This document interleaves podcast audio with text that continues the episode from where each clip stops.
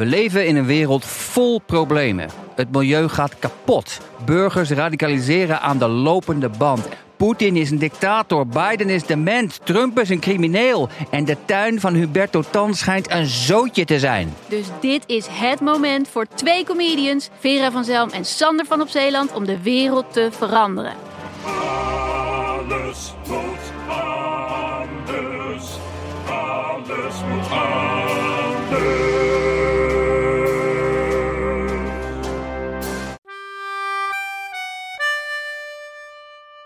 Welkom bij aflevering 3 van de speciale selectie die ik samenstel met behulp van jullie, mijn luisteraars. Ook een beetje met als doel dat wanneer je voor het eerst naar deze podcast luistert, dat je denkt, oh, maar dit is het ongeveer. En eh, deze aflevering zou je kunnen noemen terugkerende types of vaste gasten. Ehm, zoals bijvoorbeeld daar zijn de acteurs met wie ik heel vaak scènetjes opneem. Maar ook bijvoorbeeld mijn ouders. Want in de aller, aller, allereerste aflevering van Mam... Nou, sterker niet, er niet er eens in. Maar de allereerste aflevering begint met mijn ouders. Hoi Chris. Hey, hallo. Ik zoek eigenlijk mama. Is die er of niet? Jawel, ik zal eens even kijken. Ja. Gerda. Gerda. Ja? Je zoon. Oh. Ze, ze, ze is in de tuin bezig. Oké. Hi. Hey, hallo met Chris. Ehm, ik neem dit ook op nu, hè?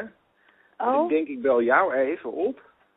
En dan ga ik aan jou vragen wat jij denkt dat ik nu ga doen. Weet je, weet je wat een podcast is? eh, kleine korte dingetjes. Oké. Want ik ga nu geen radio maken, maar een podcast, toch? Ja, je gaat een podcast maken. Maar, maar, weet, maar je weet niet wat een podcast is. Ja, ja, eh, eh, Je moet gewoon heel eerlijk zijn. nee, op dit moment niet, nee.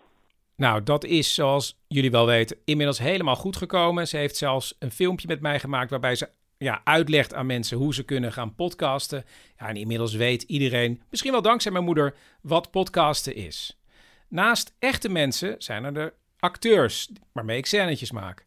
En eh, die keren ook heel vaak terug, de acteurs, of zelfs bepaalde types van acteurs. En in de allereerste aflevering was dit de allereerste bijna echte scène, zoals ik het noem. En die speelde zich af in het stadsdeelkantoor bij mij in de buurt.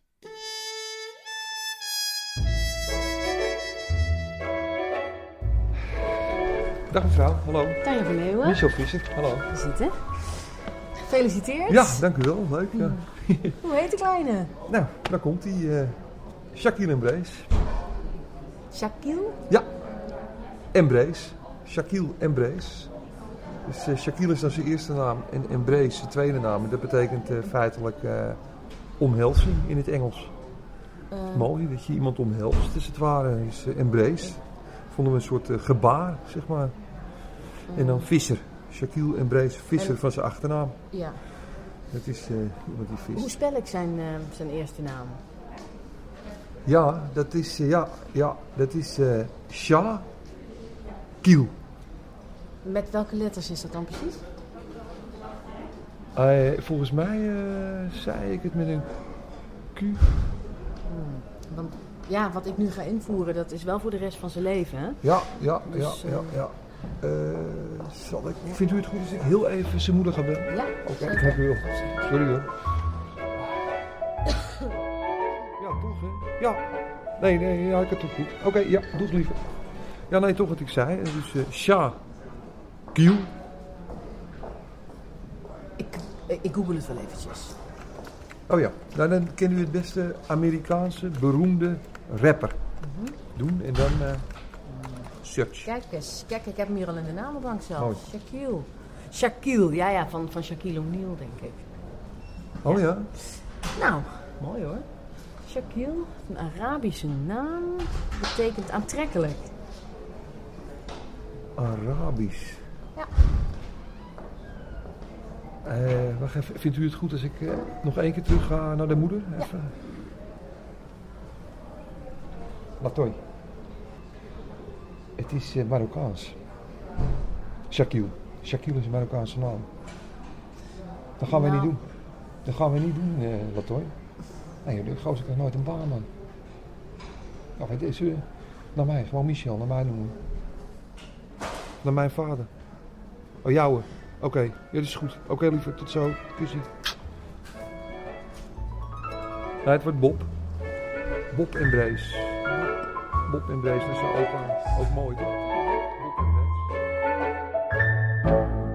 Als maker ben ik ervan overtuigd dat mooie verhalen eigenlijk in de omgeving te vinden zijn. Vandaar dat ik met een rare oranje bus door mijn eigen buurt rijd op zoek naar verhalen. Maar die liggen natuurlijk ook heel dicht in de buurt in je eigen huis. En eh, in aflevering 4, getiteld De Nacht, introduceerde ik eigenlijk voor het eerst eh, mijn gezin.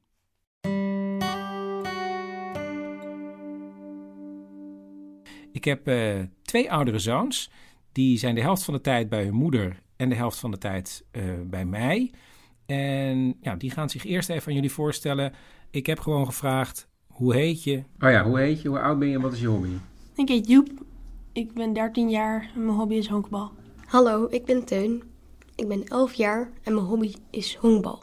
En dit is mijn vriendin, die stelde ik dezelfde drie vragen. Ik ben Paulien, ik ben 40 en mijn hobby's zijn lezen, wandelen, teken één hobby. en, ehm, eh, en breien. En koken. Ja, en dit is, dit is het zoontje van Pauline en mij, Wiek. En die is bijna één. En nu komen we bijna bij het thema. Maar eerst moet ik mij nog even voorstellen. Ik ben Chris, ik ben 44 en mijn hobby is slapen.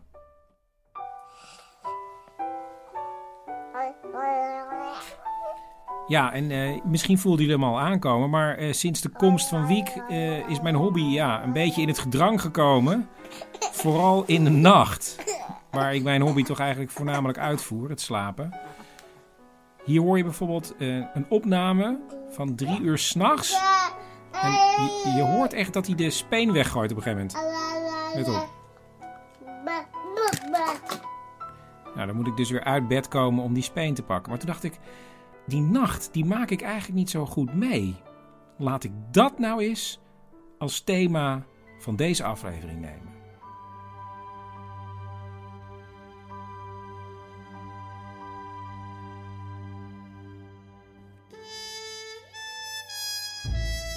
Het is half drie s'nachts als in een van de woontorens langs de rivier een man wordt wakker gebeld. Met Rindert. Ja, met Marja. Oh. Oh. Ik droomde net over jou. Nou, is het weer zover? Ja. En dit keer vond je het per se nodig om met mij naar een heel druk dansfeest te gaan. Terwijl je weet dat ik dat helemaal niet leuk vind. Nee. Nou ja, en, eh, En toen? eh, en ik zei dus, wat doen we hier in godsnaam? En toen zei je, ach mens, leer toch eens een keer lekker lichamelijk te zijn. Ja, ja, zo leuk was dat helemaal Zei niet dat? hoor. Ja, dat zei jij, ja. Want je zei het expres ook zo hard mogelijk dat iedereen het kon horen. Ook allemaal Brazilianen. Ja. Ja. Maar wij die konden het natuurlijk niet verstaan. Jawel. Het waren allemaal Braziliaanse Nederlanders. En die stonden me allemaal aan te kijken zo van... wat een ontzettend onlichamelijke vrouw is dat. Heel anders dan wij zelf. Ja, zeker. Maar nou, in ieder geval is het maar een droom, toch? Ja, dat, dat heeft er dus helemaal niets mee te maken. Jij zat ook van die blikken van verstandhouding te wisselen met die Brazilianen van... laat me lullen, nou... eh, Lieve, maar, maar, Marja, ho, ho, Marja, wacht maar even, lieve schat. Je weet toch dat, dat, dat, dat het een droom was? Ja, dat weet ik ook Nou, nou, wel. hè. Ik ben niet gek. Maar dat is Ja. toch nog geen reden om, om je zo belachelijk op te stellen naar mij? Ja, goed, dan ga ik het maar weer zeggen. Sorry. Ja? Sorry. Is goed? Daar is het nou weer een beetje te laat voor. Dag Rindert. Dag Marja, Marja. Marja.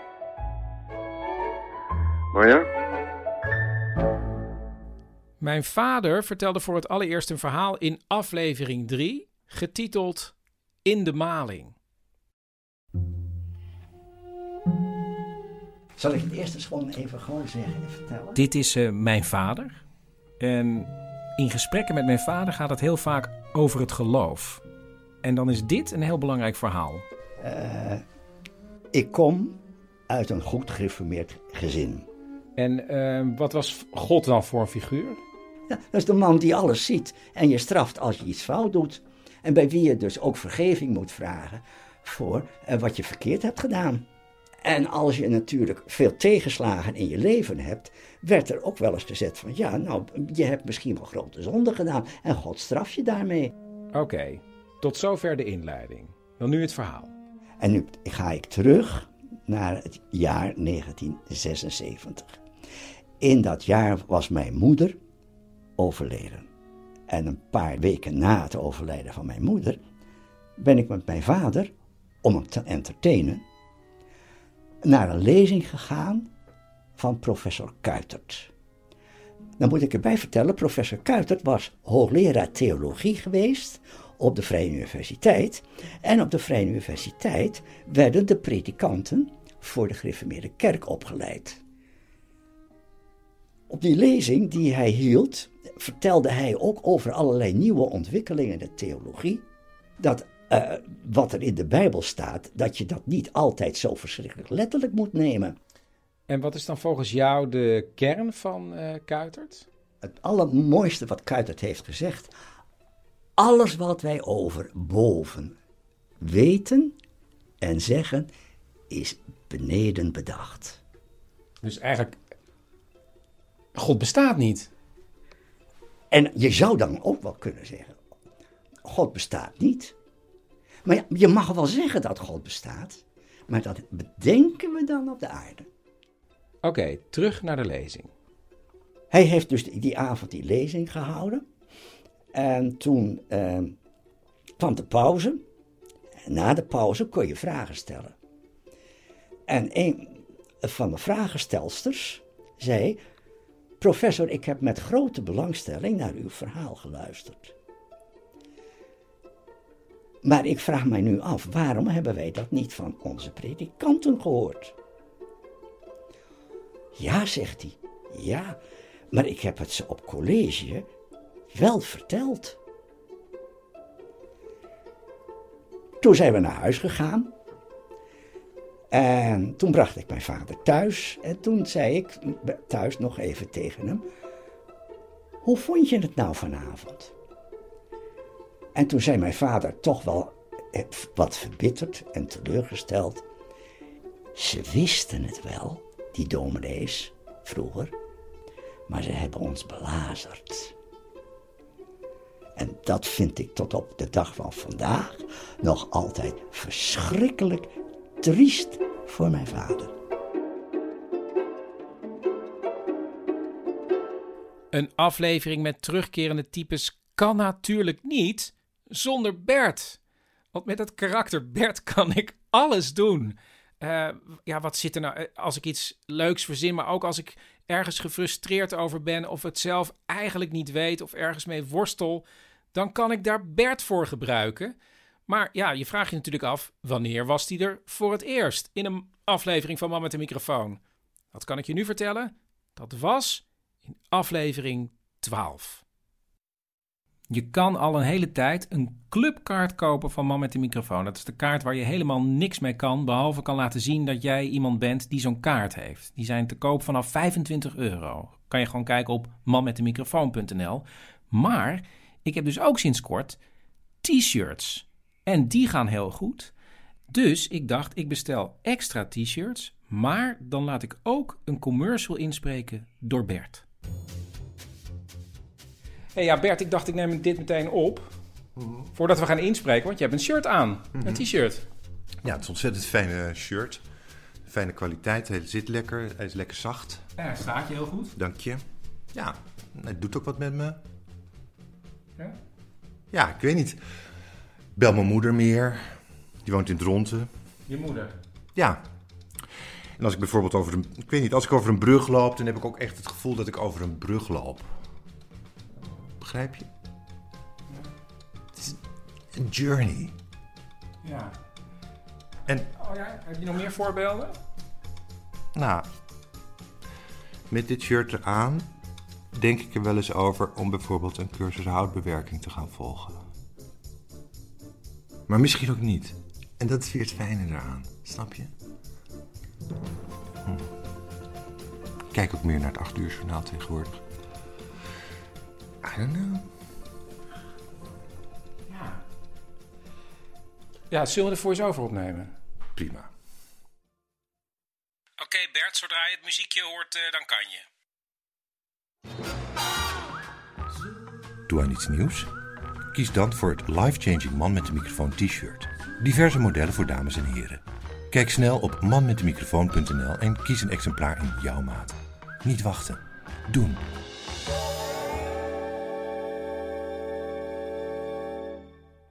Staat erop, eh, Bert. Dank je.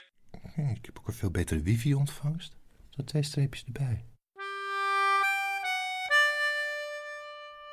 Een bijna echte scène die er volgens velen van jullie absoluut in moest, was die uit aflevering 6 met eh, Lies Visgedijk. En dat was de aflevering dat ik eh, een tijdje doorbracht op een landje in de buurt. Dus ik had ook een scène, of nee, Pauline had een scène geschreven voor Lies Visgedijk. Tussen het spoor en de sportvelden is ook een landje. En daar heeft Eva een plan voor. Ehm, nou, Eva, ja, we staan nu eigenlijk op het terrein waar jij een golfbaan wil beginnen. Ja, ja maar een, een spirituele golfbaan.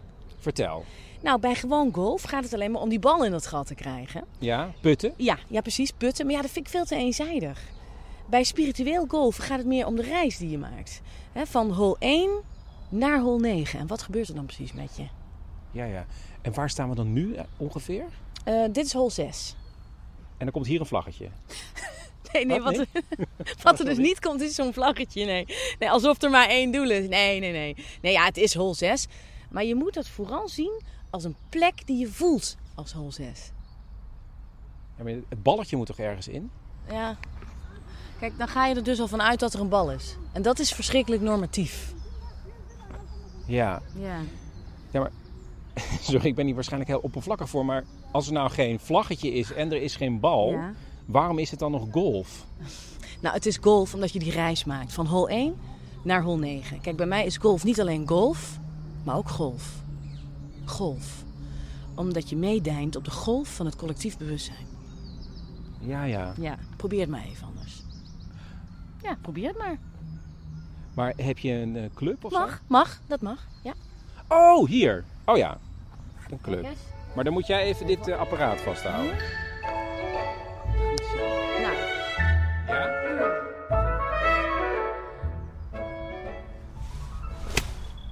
Nee, nee, nou hou je hem helemaal verkeerd vast. En je moet de bal nakijken. Dat heb je niet gedaan. Je hebt de bal niet nagekeken. Wat is je handicap? Ik heb geen, ja, ik heb geen handicap. Oh. Ik heb nog nooit gegolfd ook. Oh, ja, bij golf is wel stap 1 dat je weet wat je handicap is. Dat vind ik, maar dat vind ik ook een beetje vreemd. Dat mensen dan totaal onvoorbereid aan iets beginnen. Maar het is toch spiritueel golf? Ja, maar dat betekent dat toch niet dat je er zomaar met de pet naar mag gooien? Oh, nou. Doe nog maar een keer. Sorry. Go ahead. Nee, kom naar achteren. Ja? Maak je breed. Eén hand onder de... Nee, nu is het net alsof je een pollepel vasthoudt. Even opnieuw. Even opnieuw. Ja. Oké, en concentreer je. Go. Nee, je kijkt hem weer niet na. Je kijkt de bal niet na. Oh, wanneer gaat het, wanneer gaat het open? dat weet ik nog niet. Wanneer het goed voelt. In de podcast, en ja, inmiddels en sowieso in mijn hele leven, is Pauline natuurlijk super belangrijk. Maar ze kreeg pas een grotere rol tijdens de eerste lockdown, toen ik elke dag uitzond. Maar in aflevering 8 had ze voor het eerst een langer verhaal. En dat was de aflevering die was getiteld De Amerikanen. Omdat Trump had net gewonnen. En ja, ik doe eigenlijk altijd iets tijdloos, maar ik, ja, ik moest toch ook iets met Amerika doen. En toen had Paulien een goed verhaal. En toen ik het nu weer eh, beluisterde, toen dacht ik, hè, maar dat resoneert eigenlijk ook wel weer met deze tijden van corona. Nou, luister maar. Voor mij destijds was een groot deel van Amerika was toch wel gewoon Twin Peaks. Want ja, nou ja, sorry. Gaan we het hele Twin Peaks Ja, maar- verhaal doen? Nou, maar jij draait meteen je jij stelt mij een vraag, je draait meteen je ogen weg van Twin Peaks, begint er over Twin Peaks. Maar ik vond dat gewoon super belangrijk. Nee, maar ik, Ik had- voordat we het hele, hele verhaal van Twin Nee, Peaks ga ik helemaal Oh, niet. zeggen. Nou ja, goed, je hebt aflevering 1. Ja, maar jij vond Twin Peaks gewoon heel gaaf en dat gevoel wilde je najagen. Ja. Ja. En daarom ging je studeren in Amerika. Nou, ik had ook nog, natuurlijk wel, ook nog wel wat boekjes gelezen en zo van Amerikaanse schrijvers. Ik was bijvoorbeeld ook best wel fan van Philip Roth. Nou ja, in het kort gaat ze dus studeren in Boston. En het punt was dat je eh, met z'n tweeën op één kamer moest. Dat is heel gebruikelijk bij Amerikaanse universiteiten. Dus je hebt een roommate. Uh, zij was gewoon Amerikaans, maar zeg maar Italiaans-Amerikaans. En, en ik kwam binnen in die kamer en ik was volgens mij als eerste er. En toen kwam zij met haar familie. Maar ik was natuurlijk in mijn eentje, want ik kwam uit Nederland. En ik had gewoon één rugzak bij me en dat was het. En zij komt binnen met haar moeder. En die moeder die ging mij meteen heel erg omhelzen. En toen dacht ik, oh ja, dit lijkt me heel Amerikaans. Dus ik van ook omhelzen van, hé, hey, te gek. Terwijl ik had die vrouw nooit gezien. En um, nou, meisje, dat meisje was best aardig. Uh, nou, dat ging op zich een tijdje goed. Maar toen bleek, na verloop van tijd, dat zij af en toe rookte in de kamer. En dat vond ik niet oké, aangezien je ook moest aangeven of je rookte of niet. En ik had natuurlijk gezegd, ik rook niet. Toen bleek dat zij had gezegd: Ik rook niet, maar meer als een soort intentieverklaring. Maar zo werkt het niet.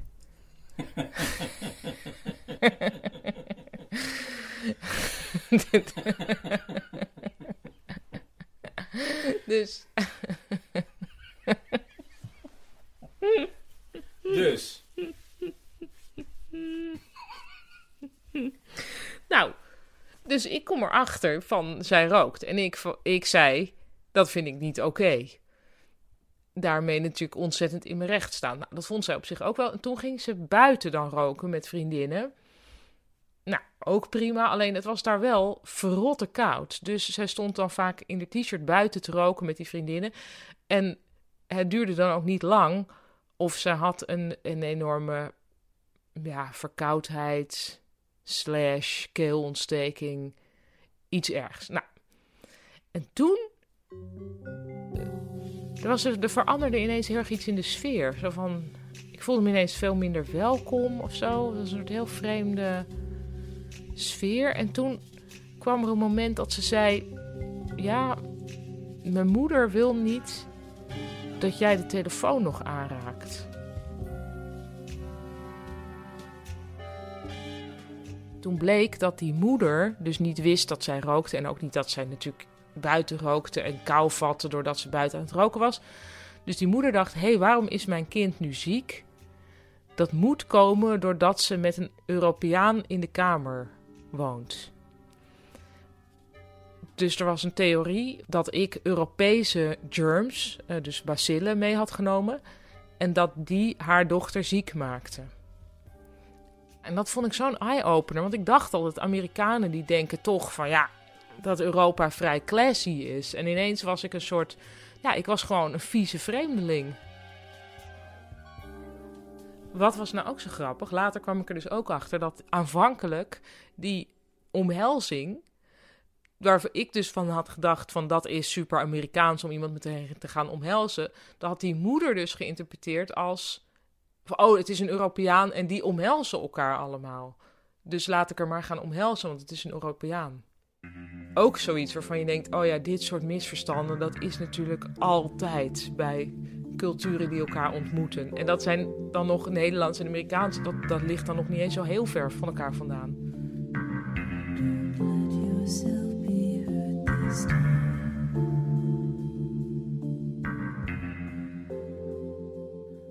acteur Diederik Ebbingen, die in de allereerste scène zat van Man met de microfoon. Daarvan weet ik dat hij ook een hele goede kakker in huis heeft. Dus ik heb ooit het karakter Pauw van Wieldrecht verzonnen. En dat deed hij zo goed dat ik daar vervolgens meerdere scènetjes voor kon schrijven. Zoals deze in de aflevering over verkopen. In zijn chique kantoor langs de rivier wordt ik ontvangen door de heer Pauw van Wieldrecht. Ja, ik ben eigenlijk gekomen omdat u aan de telefoon zei van ja, ik heb wel iets met verkopen. Zeker, uh, Chris. Uh, verkopen, zeg ik altijd, uh, is een ritueel. Um, hier, wat ja. denk je bijvoorbeeld dat ik hiervoor betaald heb, Chris? Ja, oh ja, het is radio, want u pakt nu een houten beeldje ja. van een bloot mannetje met een hele grote... Ja, ja. een uh, vruchtbaarheidssymbool als het ware. Vandaar die grote houten pritstift uh, die er aan vast zit. Je ziet ook dat de verhoudingen niet helemaal kloppen, maar dat maakt het ook juist zo authentiek en zo leuk. Weet je, het is laag primitief Afrikaan. Snap je? Maar ze zitten er even goed een paar uur op de guts, hè, op zo'n ding. is ongelooflijk. Maar eh, het verkoopt hier als een dolle. Het is ook niet echt hout. Het is een soort van eh, wortel of zo. Maar het is een commercieel eh, succes. Dus u heeft er heel veel van gekocht. Nou ja, een half eh, containertje per jaar moet je ongeveer aan denken. Zo vlak voor de feestdagen. Dat trekt dan over die oceaan heen. En eh, ja, dan zitten ze wel, schrikken ze wel eventjes hoor. Zeker de eerste keer, zo'n dorpje. Die zitten dan met het hele dorp zo tegen die deadline aan te gutsen. Santa's Little Helpers. Maar ze vragen er dus niet heel veel voor. Nou, dat is het spel. Dat is precies het spel waar ik over belde, weet je wel. Het gaat erover aantrekken, afstoten. En zo'n opperhoofd die begint al met 6, 7 euro het stuk. Is krankzinnig natuurlijk. Maar dan willen ze ook niet dat je dat betaalt. Hè. Ze willen respect voor je hebben. Dus het is een kwestie van de lange adem. Je moet doorgaan tot het gaatje. En afdingen, Chris, is Ja, weet ik niet. afdwingen. Gratis. Wat bedoelt u? Wat kost dit? Oh, eh, een euro per stuk? 13 cent. Wat? ja, 13 cent. Lachen? Ja, en dan verkoopt u het weer hier waar? Ja, waar eigenlijk? In een galerie. En dan zet ik het een beetje mooi neer. Een paar maar, niet te veel, weet je wel. Lampje erop. Het is heel belangrijk bij verkoop. Presentatie, Chris. En kijk, als je hem zo ziet, hè, zoals Ja. ik hem nu hier in mijn handen heb, dan kan je er denk ik, nou, wat zal het zijn? 40, hooguit 50 euro voor vragen. Maar ik doe het dan natuurlijk leuk in een mooi kartonnen doosje met een leuk Afrikaans logootje. Ik doe er een kaartje bij waar een een of ander verhaal op staat over Afrikaanse vruchtbaarheidssymboliek. En natuurlijk heel belangrijk, en dit is echt de killer, 5% gaat naar een waterpompproject. Oh, nou dat, ja. En wat kan ik er dan voor vragen, Chris? Ja, ik weet niet, zeg maar meteen. 130 euro. Duizend keer over de kop, hè? Niet normaal, hè? Ongelooflijk, man. Oh, maar dan gaat dus wel dan weer van die 130 gaat 5% naar zo'n waterpompproject. Nou, bij wijze van spreken natuurlijk. Maar goed, iedereen tevreden, hè? Die Afrikanen, geen kwaad woord erover. Die dansen daar de kerst door. Ze hebben geen idee wat het is, maar goed, ze dansen sowieso de godganse dag. Maar eh, ja, meestelijk. Ja, nou, ik denk dat ik wel genoeg heb voor de uitzending. Heel erg, ja, bedankt. Nou, hartstikke goed. Zou er een eh, willen, Chris? Ja. Ja. Zullen we hem doen 110 euro?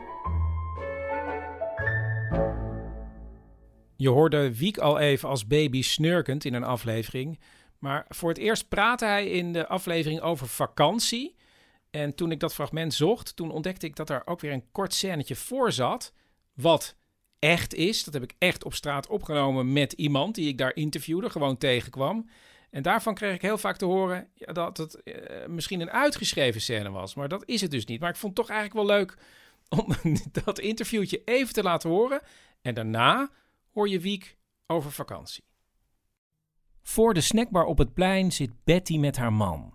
En Betty heeft last van reizenfieber. Nou ja, je kan een vliegtuig missen. Je, ze kunnen overboekt zijn. Eh, er kan misschien een noodlanding gebeuren. Nee, we gaan de laatste paar jaar op een boot. Maar dan moet ik dus zo'n cruise, hè? Maar dan moet ik eerst naar die cruiseboot. En dan moet je je hut zoeken. En dan moet je met een lift naar de etage waar je hut is. En dan verdwaal ik, want ik heb geen oriëntatie. Dan stap ik op drie ogen uit de lift. En dan moet ik naar vijf en dan moet je overstappen naar een andere lift. Ja, is echt waar hoor. En dan kom je daar in die gang en die lijkt precies op die andere gang. En dan nou, is allemaal een ramp. En dan kom ik binnen in die hut en dan is er maar één bed opgemaakt. Ook niet zo erg, want die andere, dat, dat doen ze nog. Want dan kan je zitten op die bank daar, hè. Dat snap ik ook wel. Ja, nou ja, dat gaat dan zomaar door, hè. Schiphol is het allerergste. Dat vind ik doodeng. Ik vind vliegen al eng. Want stel je valt naar beneden en je hangt in een boom. Wie hoort mij dan? Het klinkt misschien gek, maar het is een reële angstdroom van Betty. Het vliegtuig stort neer en zij hangt in een boom. Ja, andere mensen liggen half dood op de grond. Ik nooit. Ik hang in een boom, meestal. Nou, dan hang ik dan te wachten tot iemand me eruit haalt, want ik heb hoogtevrees. Ik durf niet alleen naar beneden. Nou ja, ja, nou ja, dat is nog nooit gebeurd. Dus ik ben elke keer, eh, heb ik die boom misgelopen dan, hè, natuurlijk. Nou ja, zoiets. Vroeger mocht je nog een sigaretje roken, toen rookte ik. Dat hielp nog wel een beetje. Totdat ik met een vriendin naar Londen ging. En toen kregen we een, eh, ook zo'n luchtzak. En toen moesten we met ons hoofd tussen ons knieën helemaal zo zitten. Maar we waren aan het eten. Dus zij zegt, eet nou door, want straks krijg je niet meer. Want ik zag me al in die boom hangen en dan heb ik geen eten. Nou, het is allemaal goed afgelopen. En die, die, die, eh, die man, die piloot, die eh, riep om dat alles goed was gegaan. En dat we van hun een extra drankje kregen. En hij zet een leuk eh, muziekje op. En wat denk je dat die draait, die gek? I Believe in Angels. En daar was ik nou juist zo bang voor.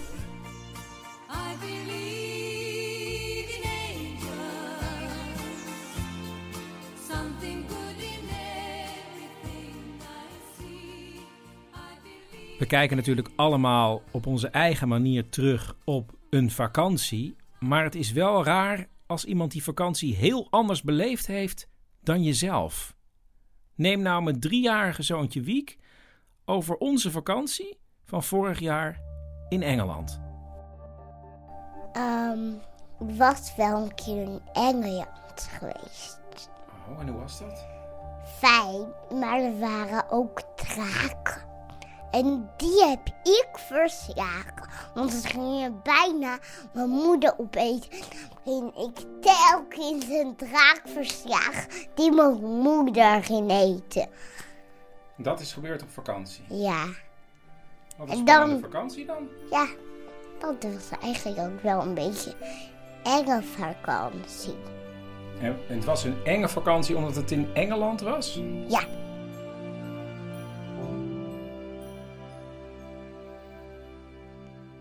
Ja, ik kan het eigenlijk iedereen aanraden om af en toe gewoon geluidsopnames van je kinderen te maken. Want je kan, als ik dat nu luister van Wiek door de jaren heen, dan zie je hem helemaal ontwikkelen in zijn spraak. En eh, vorig jaar, tijdens de eerste lockdownperiode, heeft Wiek zelfs zijn eigen rubriek gekregen, een weetje van Wiek. Dat komt waarschijnlijk wel in, ja natuurlijk komt dat in de compilatie van de lockdown afleveringen. Maar ook daarna bleef Wiek terugkeren. Zoals in de aflevering waarin ik verhalen zocht van mensen die iets doms deden. Vanaf het moment dat ik weer begon met mijn eh, podcast, zag ik dat Wiek aan het denken was hoe hij weer in de podcast terecht zou kunnen komen met een weetje of een ander verhaal. En gelukkig deed hij ook iets heel doms afgelopen week. Hij viel van een speelhuisje op het schoolplein op zijn kin. Echt een hele grote schaafwond. Een soort bult ook daaronder. En eh, dus wil hij daar graag over geïnterviewd worden. En eh, ja, je zult het merken, hij zit nu, hij is vijf, in een eh, bepaalde fase. Ehm, Streetje, streetje, streetje, streetje, streetje, streetje, streetje. gaan we nog een keer opnemen? Nee, die moet je in de podcast doen. Ik ook. Of Streetje, streetje, Ja, moet dat in de podcast? Ja. Oké, Dan moet je dat opeens doen, hè? Oké. Opeens in een verhaal of zo. Gewoon ergens in een verhaal. Het mag ook in mijn verhaal. Maar in andere mensen verhaal moet het ook misschien komen. Maar- Opeens scheetje, scheetje, scheetje. Ja, opeens. Wiek. Oh ja, en dan op een andere moet dan drol drol. En op een andere moet dan pras pras. Drol drol. Oh, hij moet nog aan toch? Hij staat aan. Drol drol drol. En nu komt pras. Pras pras pras. Oké, nou, Wiek, let op. Ik verzamel nu even verhaaltjes over mensen die een beetje dom waren. Ja. Maar kun je vertellen hoe je er nu uitziet? Wat is er gebeurd met je kin? Ja, mijn kin. Waardoor dat komt. Het was een beetje gek. Ik speelde tikkertje. Ik zag de jongen. Ik zei veel waar ik achteraan ging. Ik probeerde hem te tikken. Hij ging naar boven, ik ging omhoog. Maar nu komt het om me. Ik wilde de andere pakken. Maar ik liet per ongeluk allebei mijn handen. En ik viel keihard meteen boem op mijn rug. En toen was het grappige gedeelte. Twee meisjes keken me gewoon aan. Van Huuk, er valt een kind uit het huisje. Dat was wel grappig.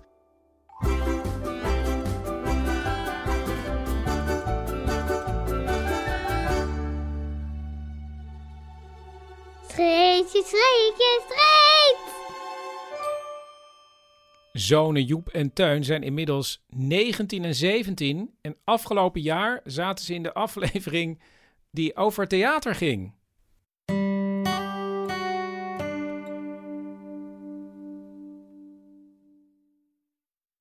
Teun, ik ging met mijn vader heel vaak naar het theater. Cabaretvoorstellingen. en ik moest altijd heel erg lachen om mijn vader. Omdat hij altijd, omdat hij altijd heel hard lachte op wat ik dacht foute momenten waren. Oh ja, ja dat heb, ja, dat heb jij ook. Ehm, ja, elke keer als wij eh, naar een theatervoorstelling gaan met jou, Joep en ik, dan schamen we ons diep voor onze vader. Die gewoon volop geniet van de, van de kleinste grapjes. Want volgens mij geniet je juist van die eh, subtiele dingen. Ehm, Ja, en dan ga je heel hard lachen. Dat is, eh, dat is wel leuk. En wat denk jij dan? Hè? Nou, ik, ik, ik, ik vind het wel fijn dat je geniet. maar Joep, die kan zich er heel erg gaan ergeren, geloof ik. Dan wordt hij echt na de voorstelling zo van... Chris, waarom moest je weer zo hard lachen? Ja, ik weet niet. Ik zit soms bij stukken die dan vrienden van Chris hebben geschreven. En dan herkent hij denk ik inside jokes. En dan lacht hij heel hard, terwijl de hele zaal helemaal stil is. En dan voelt het alsof iedereen zo kijkt naar mij van... Naast wie zit jij? Wat is, dat voor gek?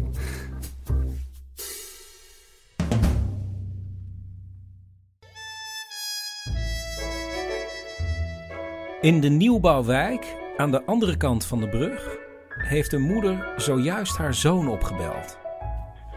Ja, hallo mam. Ja, wat druk ik nou weer op? Ja, mam, hallo? Hé, hey, ben jij dat? Ben Ja. jij dat, hè? Ja, je Ah. Je had me al gebeld, toch? Nee, maar, maar ik, ik heb toch niet op het groene knopje gedrukt? Nou, waarschijnlijk wel. Nou, dat lijkt me toch sterk, want ik dacht nog eerst het nummer intoetsen en dan op het groene knopje drukken. Ja, dat is normaal ook een goede volgorde, maar we zullen Ja. waarschijnlijk nooit achterkomen hoe het, eh, hoe het echt zit. Hè? Nee, nee. Ja, ik weet het niet. Nou ja, Nee. eh, waar ik voor belde, ik, Ja. eh, ik word natuurlijk 75, hè? Ja, ja, jubeljaar, ja. Ja, een jubeljaar.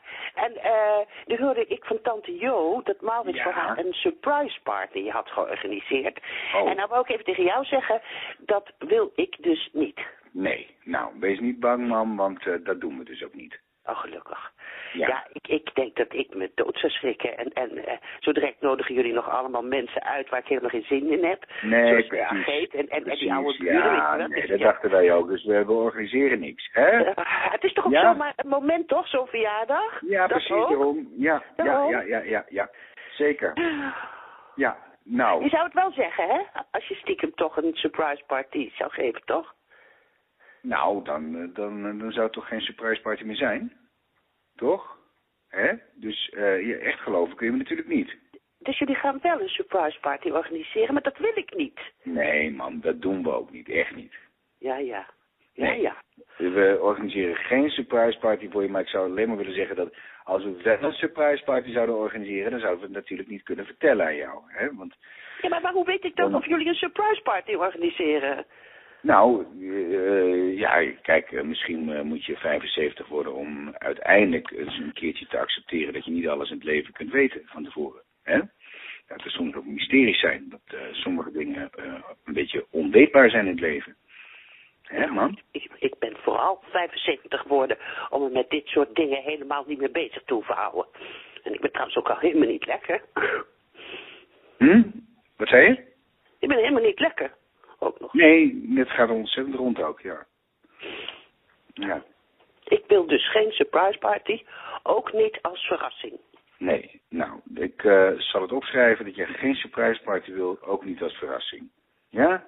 En als jullie het toch doen, dan zeg ik nu alvast, dat vind ik niet leuk. En dat ga Nee. ik het ook niet ter plekke doen alsof ik het het leuk vind. Nee, dat is helemaal goed, man. Ja? Prima. Oké, nou, dag lievertje.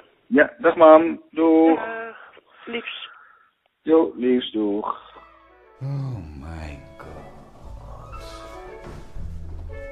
Schat, mijn moeder wil geloof ik dat we een surprise party voor haar organiseren. Mijn eigen moeder had tijdens de serie Lockdown op een gegeven moment haar eigen rubriek, omdat ze zoveel verhalen vertelde. En ook daarna kwam ze nog eh, vaak terug. En er is zelfs, ja, misschien moet ik daar toch nog iets mee. Er is een, een enkele aflevering geweest van wat een serie eigenlijk zou kunnen worden. Dit, dit is die aflevering. Dit is de misdaadrubriek met de moeder van Chris. Starring de moeder van Chris. Toen dacht ik al, met jou wil ik nooit in het stiltecentrum zitten. Aflevering 1. Geen zuivere koffie. Het verhaal speelt zich af jaren geleden in de gulden tijd, toen mijn moeder vrijwilliger was bij De Aanloop. En mam legt zelf even uit wat De Aanloop is.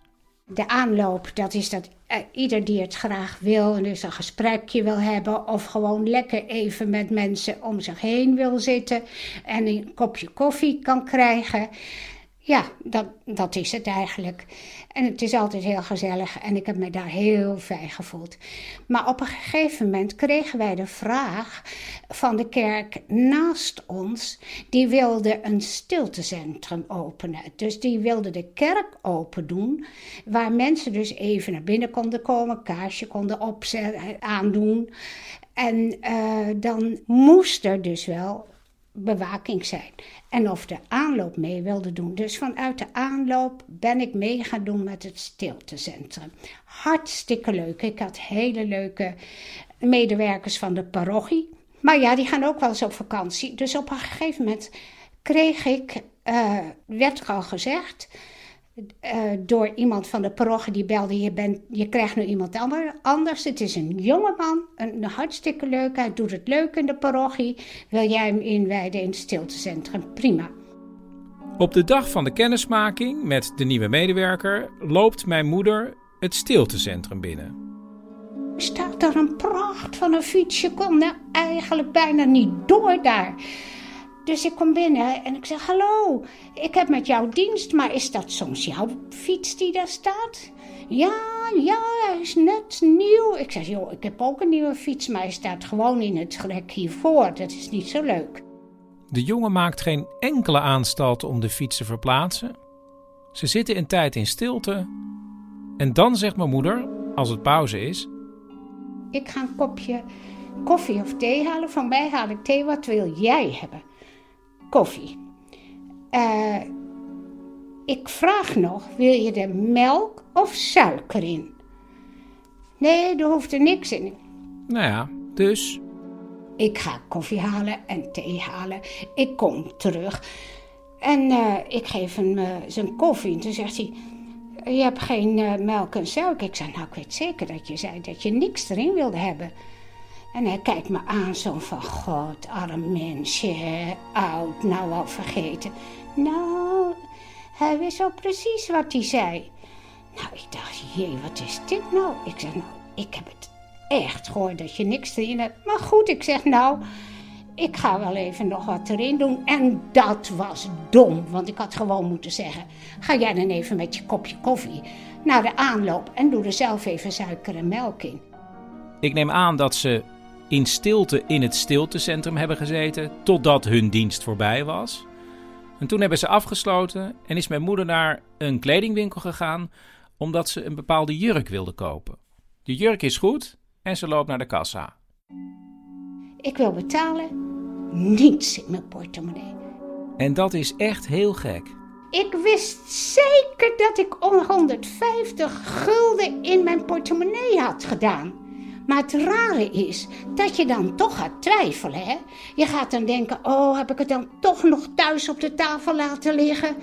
Maar die twijfel gaat snel weg als ze denkt aan het feit dat haar tas onbeheerd is achtergebleven bij de jonge parochiaan toen ze koffie ging halen.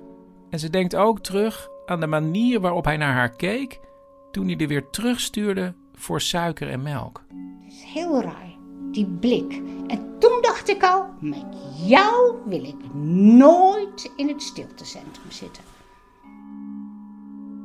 Goed, ik loop door het winkelcentrum, kom iemand van de aanloop tegen en ik vertel dit verhaal. Ik zeg, ik weet toch haast zo zeker dat ik uh, dat geld in mijn portemonnee had. Maar ja, wie hoe bewijs je dat?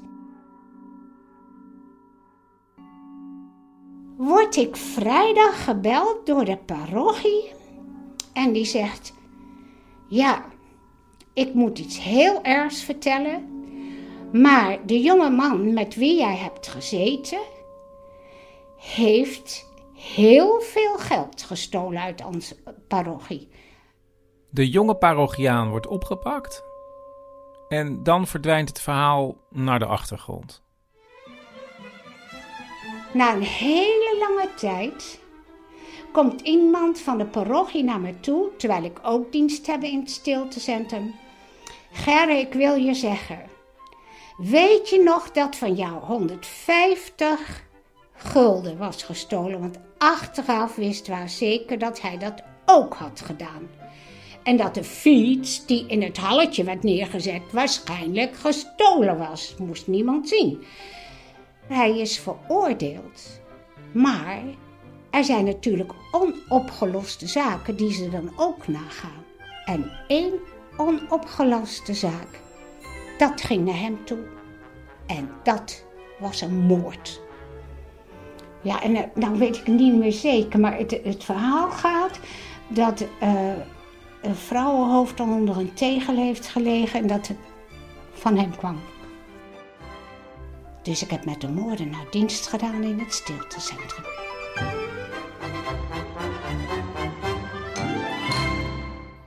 Ja, het zou misschien zelfs een hele serie kunnen worden, want het gaat over misdaad. En als iets populair is binnen de podcastwereld, dan is het natuurlijk wel misdaad.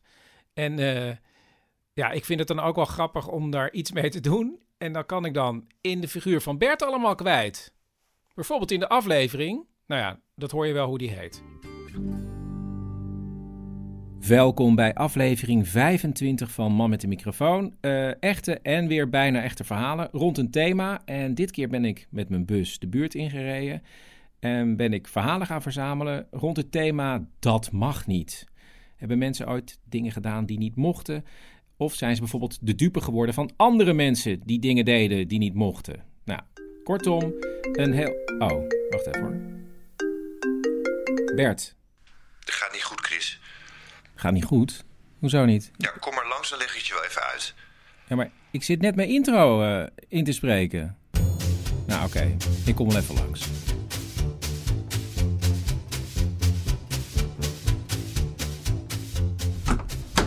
35 minuten? Ben je ja. nou meteen op de fiets Ik ben meteen gekomen, Bert. Ja? Ik ben meteen gekomen. Nee, nee, ik kom maar binnen. Koffie? Nee, dank je. Ja, hij loopt. Oké, okay, hoe zei je dat die uitzending heette? Dat mag niet. Ja, dat mag niet. Dat kan niet. Dat kan niet? Nee, een titel is om de mensen je podcast binnen te trekken, Chris. Maar mensen luisteren toch gewoon naar mijn programma? En is dit de nieuwe titel van een nieuwe af... Dat is waar eenmaal. Dat is waar eenmaal? Ja, die hele podcastwereld is aan het ontploffen. Er komen per dag duizenden luisteraars bij en die moet je binnenharken. De battle is on, Chris. Nou, dat vind ik wel heel dramatisch, Nee, Bert. dat red je dus niet met een uh, soort EO-jongere landdagtitel als Dat mag niet.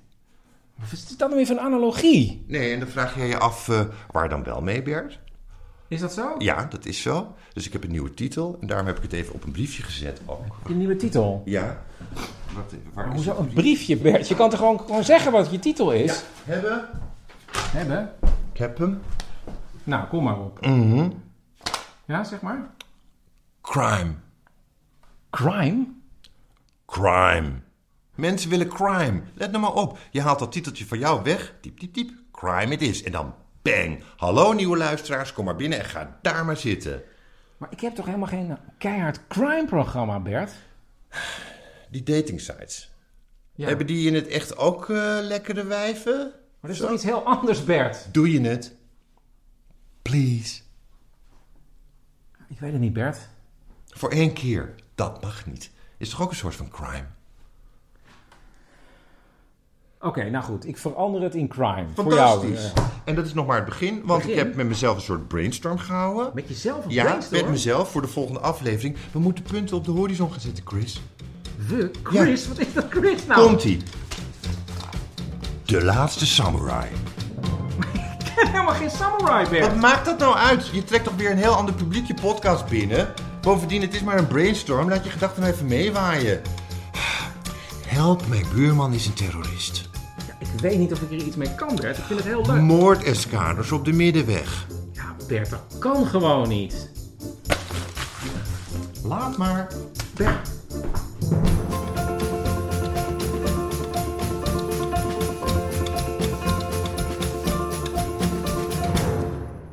En gek genoeg, of nou ja, eigenlijk niet gek genoeg, een van de meest gedownloade afleveringen van Man met de microfoon is inderdaad de aflevering getiteld Crime.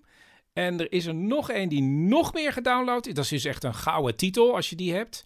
Dat is de aflevering getiteld Vakantie. En daarin was ook weer een rol weggelegd voor Pauw van Wieldrecht. In een statig pand langs de rivier ga ik op bezoek bij de heer Pauw van Wieldrecht. Ja, ja, eh, hij loopt. Vakantie, ja. Vakantie? Ja, vakantie, dat is het thema. Dus ik interview weer heel veel mensen in de buurt over het onderwerp vakantie. Ah, geestig. Ja, lachen, lachen, lachen. En nu dacht je van, eh, nou ja, nou, wat, eh, wat wil je dat ik doe, Chris? Ja, nou, ik vraag gewoon wat en dan zien we wel. Bijvoorbeeld, ja, wat, eh, waar was u het laatst op vakantie? Oh, ja. Heeft u wel iets, iets... Nou, bijvoorbeeld, he- wat is het meest verschrikkelijke op vakantiegebied wat u heeft meegemaakt? Och, nou, och, jezus, ja, nou, dat, eh, dat weet ik, dat... Kelly Star, eh, pff, nou, ja, Ja, dat was eh, dat we even geen eh, residence de vakantie hadden. Dat was eh, de periode tussen de Côte d'Azur en de Côte d'Ivoire in eigenlijk. Eh, dat je dan even geen eh, eigen weide hebt. Heel akelig. want? Ja, paniek. Eh, je wordt toch min of meer in een hotel ingedwongen. En eh, je probeert de sterren nog een beetje hoog te houden. Maar het is natuurlijk armoedroef. Dat begrijp je natuurlijk wel. Eh, met z'n allen in dezelfde ruimte eten. Zwembadje delen. Het personeel dat niet echt van jou is. wel serviel en zo, hoor, prima. Daar gaat het me ook helemaal niet om. En ze doen enorm hun best. Maar meer van, ja, ik kom zo wel even langs, weet je wel. Dingen duren. Maar vooral dat massale met 12, 14 mensen in een landhuis. Dan ga je toch snel zitten denken... Die zitten daar verdomme mijn uitzicht weg te kijken. Nee, zoiets hoop ik echt eh, nooit meer mee te maken, Kees. Verschuwelijk. En, en hoe zit het dan nu met vakantie? Nou, goddank hebben we weer een eigen dingetje in de d'Ivoire op de kop weten te tikken. Zo'n eh, 700 hectare. Maar dat is omdat we er maar een paar weken per jaar zijn natuurlijk. Dus je probeert het toch een beetje binnen de perken te houden. En bovendien, wat wel fijn is, dat je daar echt werkelijk overal je geweer kan aanleggen. Dus wat dat betreft geen enkele beperking. Het is een hartstikke leuk optrekje. Dus eh, als ik van mensen hield, zou ik zeggen, eh, kom eens langs, Chris. maar dat doe ik dus niet.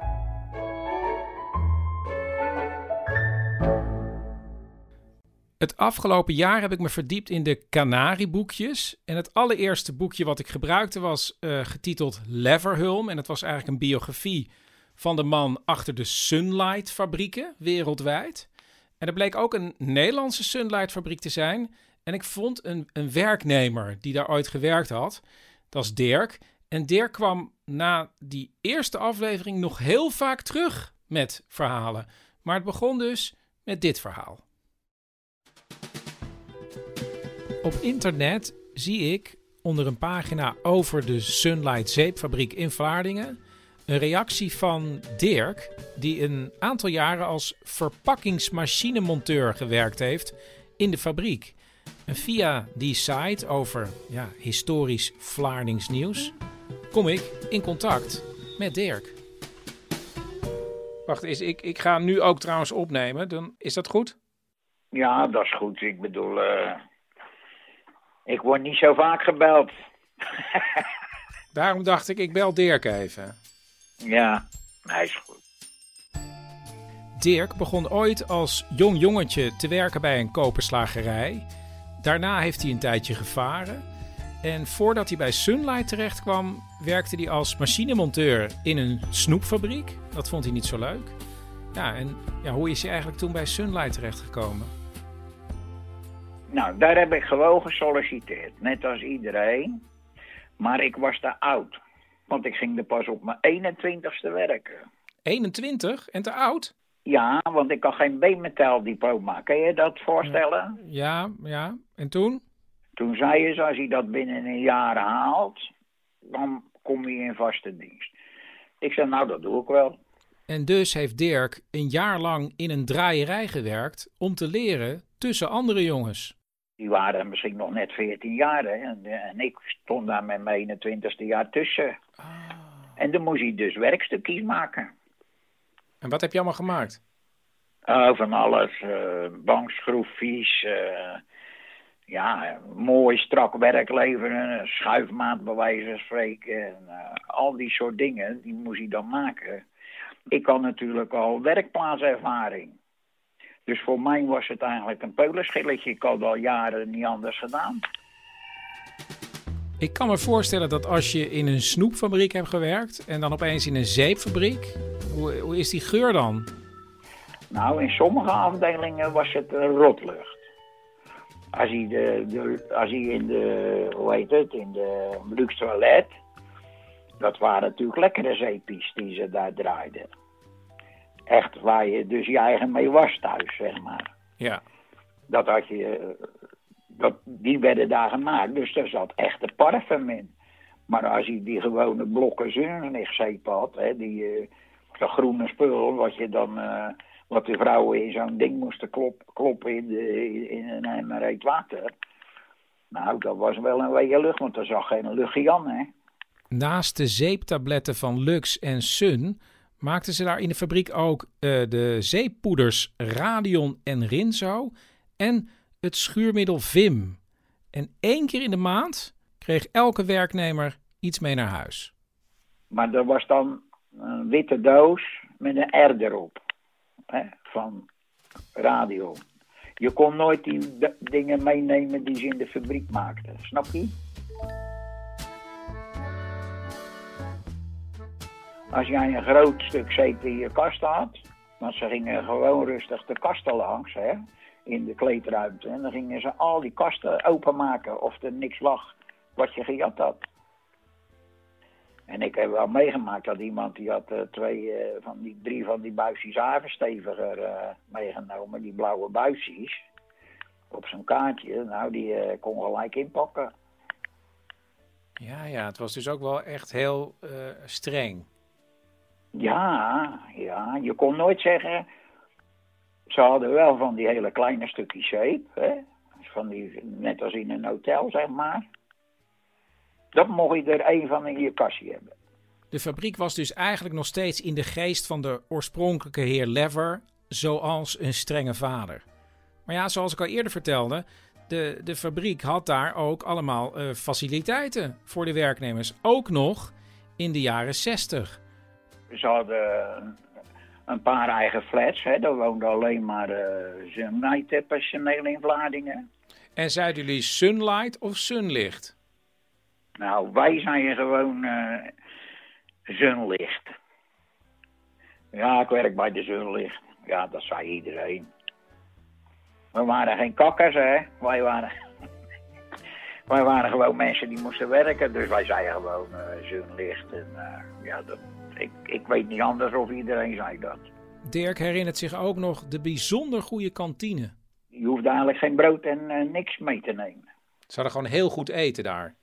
Ja, ja, echt wel, wel, ja, nee. En voor weinig, hè. Dat was uh, ook zoiets, voor weinig. En er waren nog sportvelden?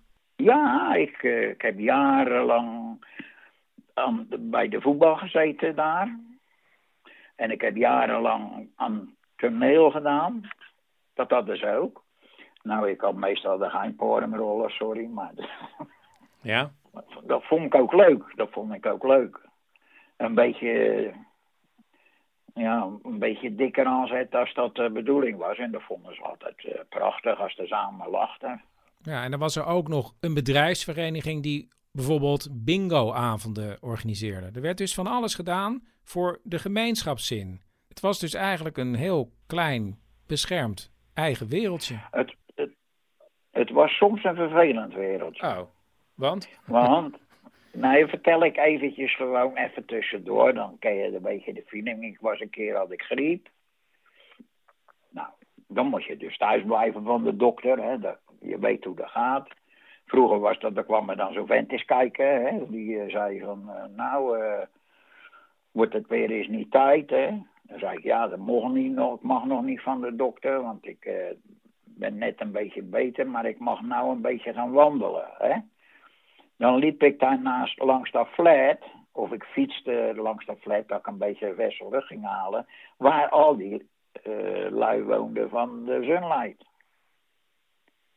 Nou, en dan hoorde je de andere dag, nou, uh, noem je dat ziek op je werk, als je een paar dagen later op je werk toch kwam. Ja, dan hadden ze jou weer in de gaten, dat was alweer rondge, rondgetokkeld, zo ging het ook, hè.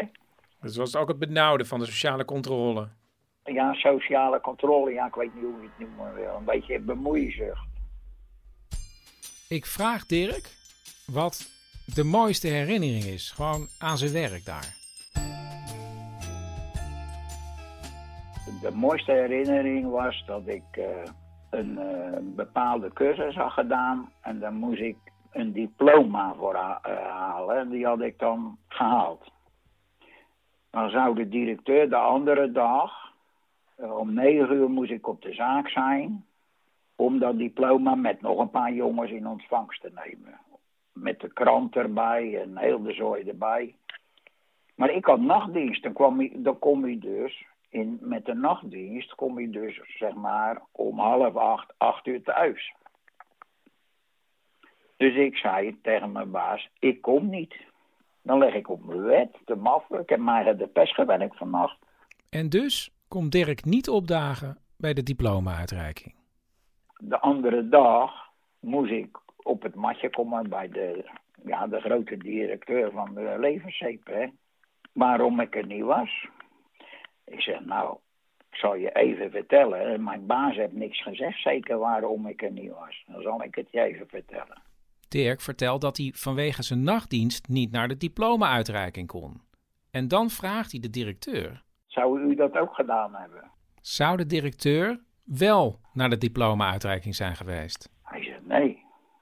Toen zegt hij, weet je wat we gaan doen? Je hebt dat diploma gehad en normaal kreeg je daar geen geld voor.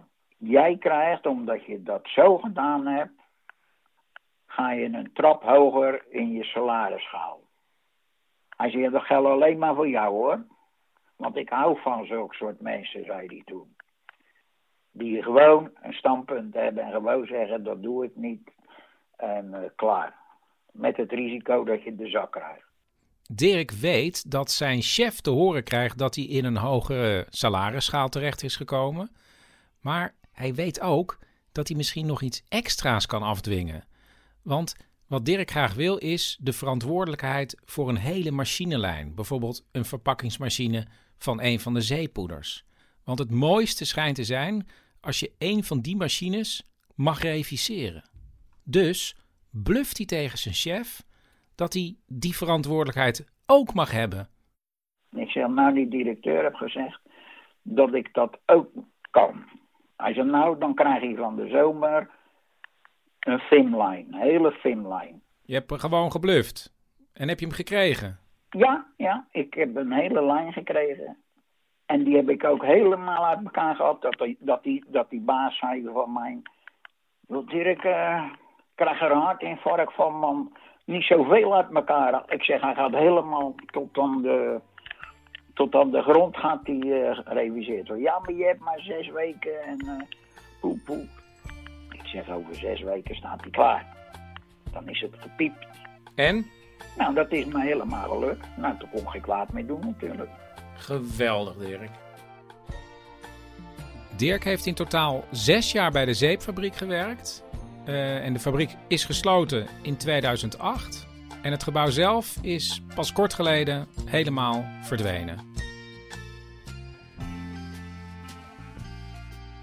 Bij het doornemen van de scènes met Bert kwam ik er één tegen van een jaar geleden ongeveer.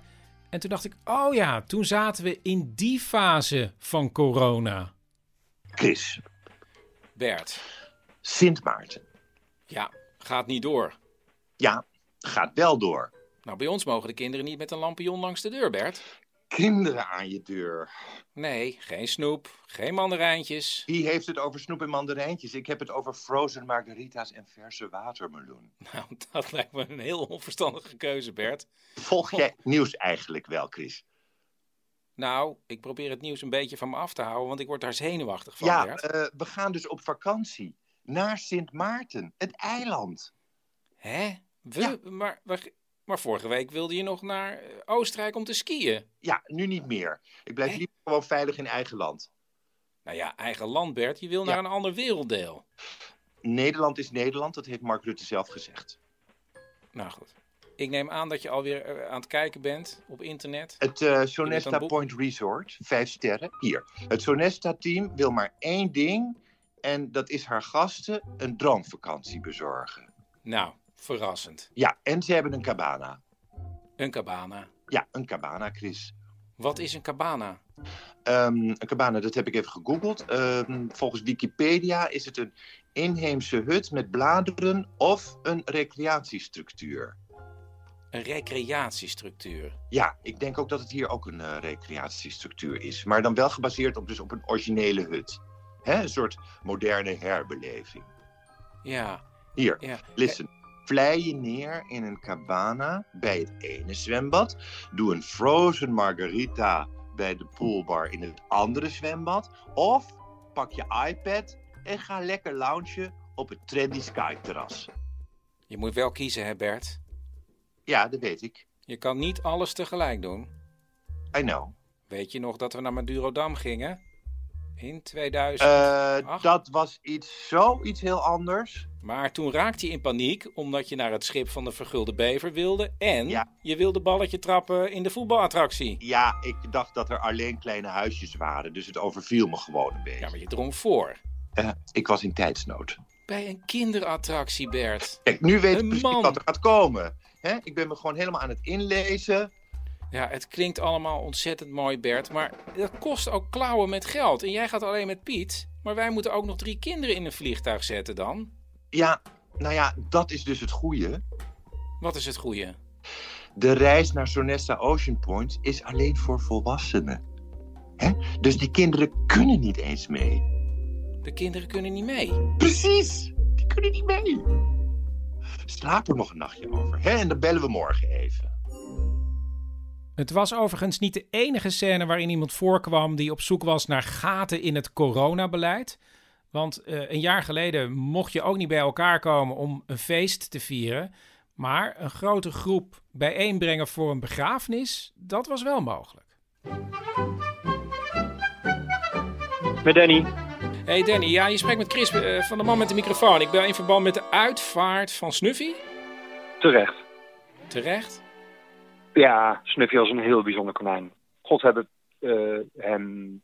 Nee, zijn... Haar ziel. Ja, God hebben haar ziel. Wat een bijzonder konijn was dat, zeg. Ja, hey, en nu zag ik jullie, dat jullie dat heel groot gaan aanpakken met de, met de uitvaart van Snuffy. Nou en of, ja. Ja, Snuffy was een verbinder, een, uh, een levensgenieter. En Snuffy zou niets liever willen dan dat we haar leven hè, uh, gezamenlijk zouden vieren. Ja, want, en hoe gaat die uitvaart er dan precies uitzien? Want ik las dat jullie dat dus... Ja, wacht, ik pak, ik pak even uh, een briefje bij. Ja. ja, laat ik eerst even zeggen, Chris. Het is een uitvaart. Ja. En daarom zijn we ook blij dat er daar met de corona even wat uh, andere regels voor gelden. En dat we allemaal, jij ook, afscheid van haar mogen nemen. Ja, want, ja, want ik las dat die uitvaart in de Johan Cruijff Arena is. Ja, in de arena kunnen we genoeg mensen ontvangen. Ja, maar kende Snuffy zoveel mensen? Ja, jij kent Snuffy nu ook, toch? Ja. Ja, maar meestal is het toch dat je gewoon... Ja, kijk, iedereen mag komen. En we gaan allemaal in het wit, omdat Snuffy een uh, wit konijn was. En geen speeches of zo, zo was Snuffy ook helemaal niet. Maar gewoon lekker dansen op hele goede dance in de, in de geest van Snuffy. Ja. Ja, maar Arena, vraag je dan iedereen om een bijdrage? Een condoliance. Een condoliance? Precies, ja. En een gewone condoliance die kost 89 euro. Maar je kan ook voor een panorama lounge condoliance uh, kiezen. En dat is dan uh, 309 euro. 309 euro? Ja, dan heb je een eigen ingang, eigen bar en de hele nacht luxe fingerfoods. Ja. De hele nacht? Ja, ja, dat maakt het ook zo bijzonder, joh. We sluiten niet om 9 uur, maar we stampen door tot 3, misschien wel 4 uur. Allemaal uit respect voor Snuff. Wie is dat? Ja? Wat, ik hoor iemand. Wacht even, Wat is er? De kip. Oh ja, de kip. De kip? Ja, en dat is weer een heel andere uitvaart. Wacht, ik geef je Sjaak even. Hallo, met Sjaak. Hallo Sjaak, is er nog een andere uitvaart? Ja, maar dan van Drumstick. Dat was een Haagse kip die helemaal gek ging op jazz. Hè? En ga je dat ook weer heel groot aanpakken? Zeker, ja. We willen volgend weekend met een paar vogels een mooi eerbetoon geven in het World Forum Convention Center in Den Haag. Uh, Hans Dulver komt sowieso en, en Edwin Rutte gaat sketten. Ken je dat sketten? Dat eh uh, ja. Hey, Sjaak, bedankt.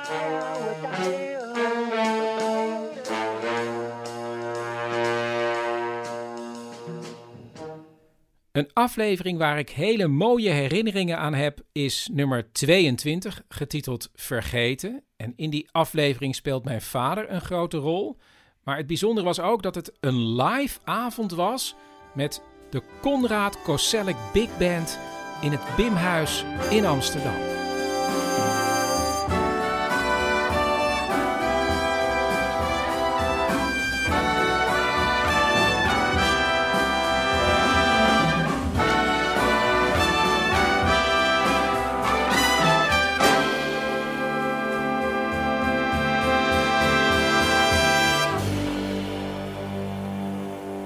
Welkom bij aflevering 22 van Man met de microfoon. Ik eh, ben weer de straat op gegaan en ik heb allerlei echte en bijna echte verhalen verzameld rondom één thema. En deze keer ben ik heel dicht bij huis begonnen. Want afgelopen zomer heeft mijn vader een onderzoek laten doen naar zijn vergeetachtigheid. En daar kwam uit dat hij beginnende Alzheimer heeft. En ik weet nog goed dat ik vlak na de uitslag van dat onderzoek mijn ouders belde. En dat ik ze samen aan de telefoon had. En dat ze er met z'n tweeën zo mooi over praten dat toen dat gesprek afgelopen was en ik had het getimed, het was tien minuten, zag ik later, dat ik opgehangen had en dat ik dacht: shit, dit had ik moeten opnemen. En de afgelopen maanden heb ik de hele tijd gedacht: zou ik dat gesprek eigenlijk kunnen opnemen? En afgelopen maand ben ik naar mijn ouders toe gegaan om dat gesprek alsnog op te nemen.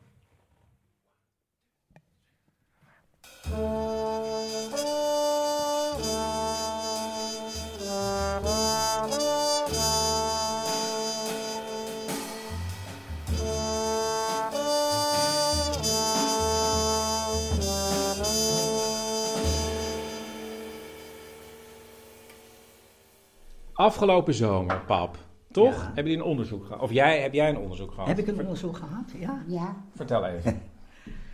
Wat je er nog van weet. Nou, jij zegt dus dat ik afgelopen zomer een onderzoek heb gehad naar eh, mijn vergeetachtigheid. Maar één ding is nu, ik kan mij daar niets van herinneren. Daar weet ik niets van. Dat is volledig gewoon een leeg gat. Ik wil niet zeggen een zwart gat, maar een leeg gat. Mam, jij zit te schudden. Ja. Eh, nou ja, we werden doorverwezen naar de geriater door de huisarts. We zijn bij de geriater geweest.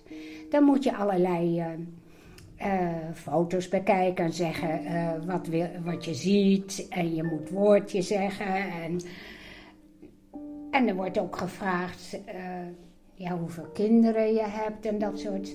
Toen had je opeens drie kinderen, dat vond ik wel grappig. Toen dacht ik, waar zou de derde zitten? Eh, ja, en eigenlijk was het. eh, Ik had het al een poos in de gaten, dus het was voor mij allemaal niet nieuw. En eh, halverwege werd ik wel een beetje verdrietig, daar niet van. Eh, eh, toen ik jouw snoetje zag van eh, even, even maar. Nou, maar het was een heel, heel open gesprek en je bent daarna ook. Ja, je hebt altijd gezegd tegen iedereen: ik vergeet alles. Maar dat is niet waar. Dat is echt niet waar. Wat je vergeet, dat vind ik heel bijzonder. Dat is werkelijk van het begin van mijn huwelijk tot aan het eind van mijn huwelijk. Dat ik denk. Eh, dus- dan zeg ik, joh, maar wij zijn ook, ook in, eh, in eh, Valencia geweest. Oh ja? En, nou, ik zeg, zullen we de fotoboeken bij halen? En dan zeg je, nee, liever niet. Want ik zie mij en de rest is helemaal leeg.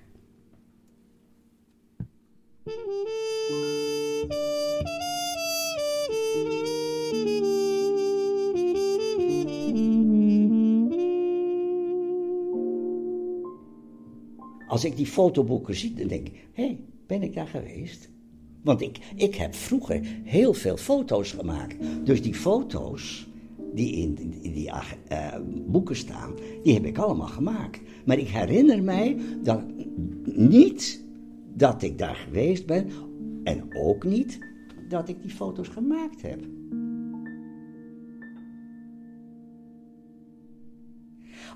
Wat we nou gisteren gedaan hebben, bijvoorbeeld, dat weet ik nauwelijks meer. Ik moet dan echt moeite doen om dat terug te brengen. En wat doet het? Kan je zeggen wat dat met je doet eigenlijk? Nou, eh, eigenlijk heel weinig. Eh, Maar, Maar, je leeft dus heel erg in het nu. ja, ik leef heel erg in het nu. Maar eh, wat mij wel op langzamerhand toch wel verdriet doet, is dat ik eigenlijk van mijn hele verleden eigenlijk niks meer weet. Dat ik mensen dus ontmoet, denk ik, ja, wie is dat eigenlijk? Hoe heet die?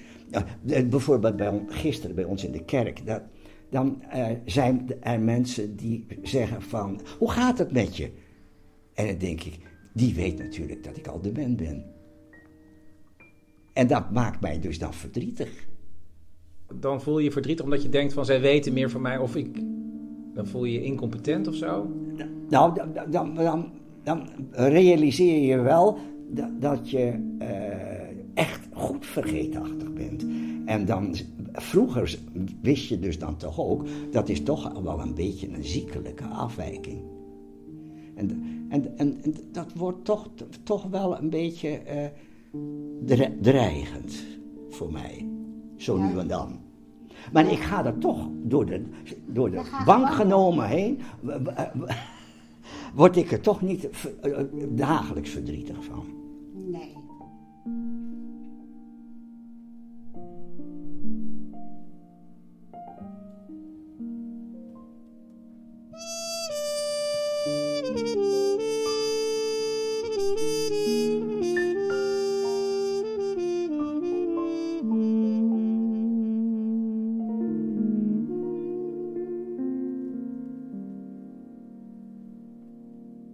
En, en daar moet ik nog eens over nadenken en ook eens over praten. Vroeger was ik een grote muziekliefhebber.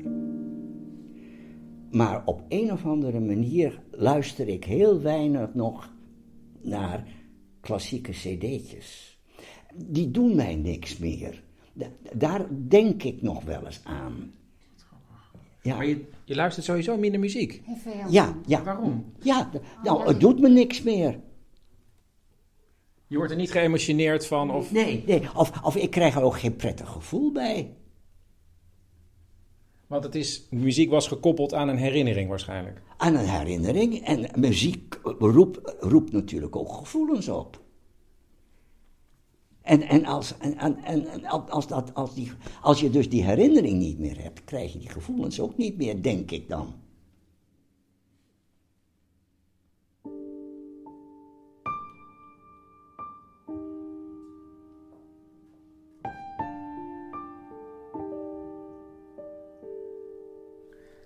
Maar het is toch prachtig hoe hij dit zegt.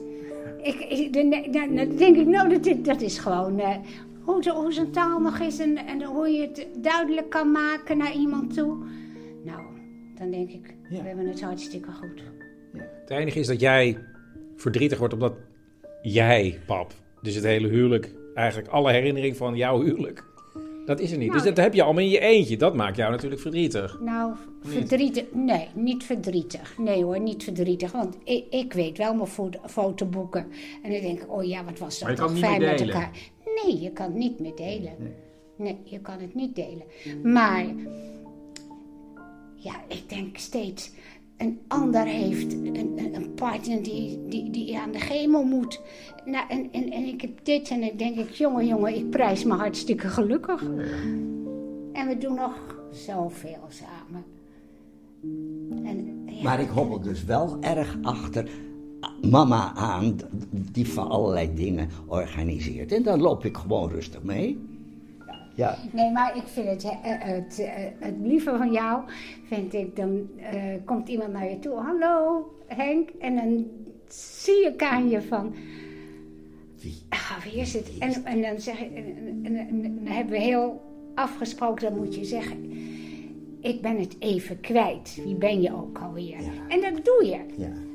Maar, maar hoe, hoe de familie, al, al, al- als je nou concreet zou vragen, noem even de kinderen van jou, jouw zuster, van mijn zuster.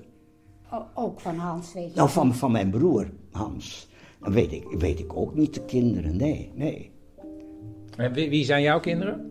Eh, dat is Marijke en jij, Hans. Nee, Christian. Nou, goed. Ja. CJH, Christian Johan Herman.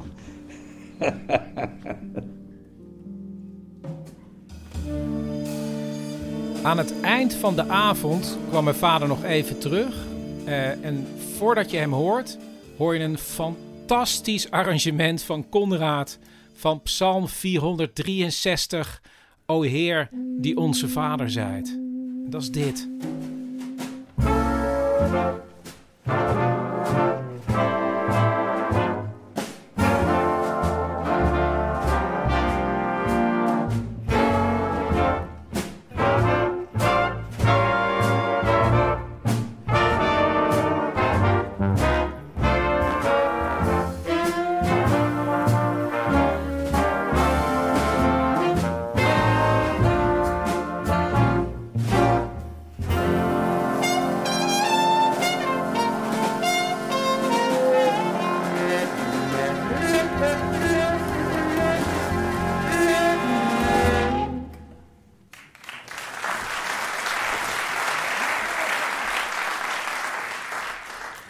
Na het eerdere gesprek bij mijn ouders over de vergeetachtigheid van mijn vader, bleef ik de hele tijd in mijn hoofd zitten met de muziek die hij bijna niet meer luistert. En ik dacht, volgens mij moet er iets te vinden zijn waar hij nog wel iets bij voelt.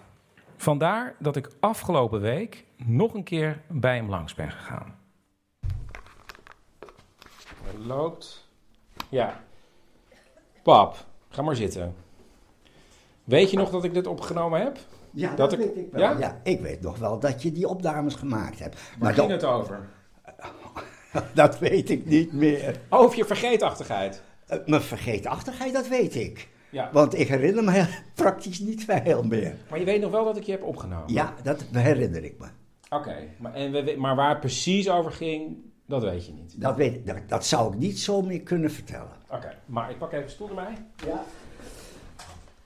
Wat namelijk een beetje atypisch was, vond ik, dat je zei dat je niet meer op muziek aansloeg eigenlijk. Oké, maar nu heb ik iets gevonden dat ik denk, ja, ik moet toch iets vinden waar je misschien nog wel Mhm. op aansluit. Dus heb ik nu dit, zet hem op. En je moet maar even zeggen of het, of het iets met je doet.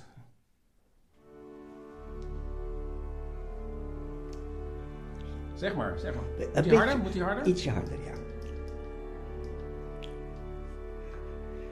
Ja,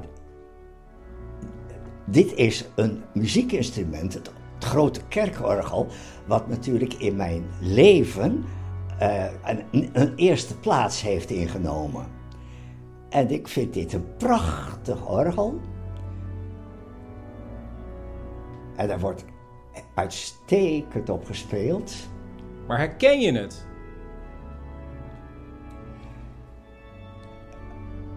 Ik, ik kan daar. Ik kan niet zeggen dat ik dit eerder gehoord heb. Wacht nog even. Als je mee kan zingen, mag je meezingen. Onze Vader zijt, vergeef ons onze schuld.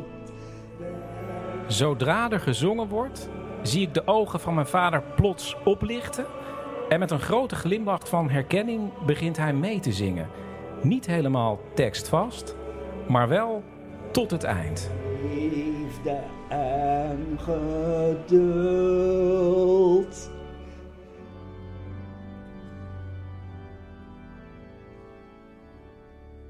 Dit zijn melodieën die in mijn leven in de kerk bijna wekelijks of twee, drie wekelijks we- werden die gezongen. Dus die melodieën zitten erin geramd. Maar is dat fijn, bedoel ik? Is, Het, het- het is heel prettig, ja. Ja, daar, daar kan ik wel van genieten. Ja.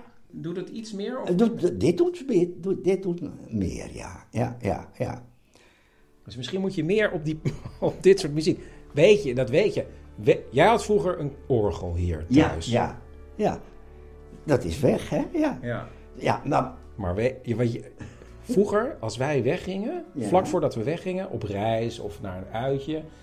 En we waren eigenlijk aan het wachten tot we naar de auto gingen. En jij was al klaar en je had je jas al aan. Dan ging je achter dat orgel staan. En wat je dan speelde was dit. En dat zong je dan mee. Oh ja? Nou, dat herinner ik me niet meer, hoor. Nee. Zelfs, want ik kan, ik Ja, kan ja, het zelfs meezingen. Ja, ja. O Heer die onze Vader zijt, vergeef ons onze schuld. Ja, ja, ja.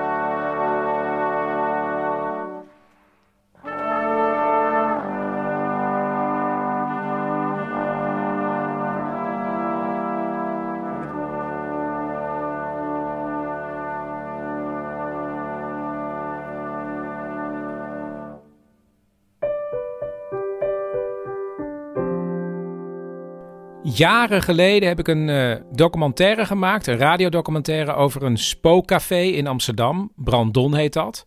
En vorig jaar heb ik daar een update van gegeven in de tijd dat heel veel cafés vanwege corona ja, min of meer moesten sluiten.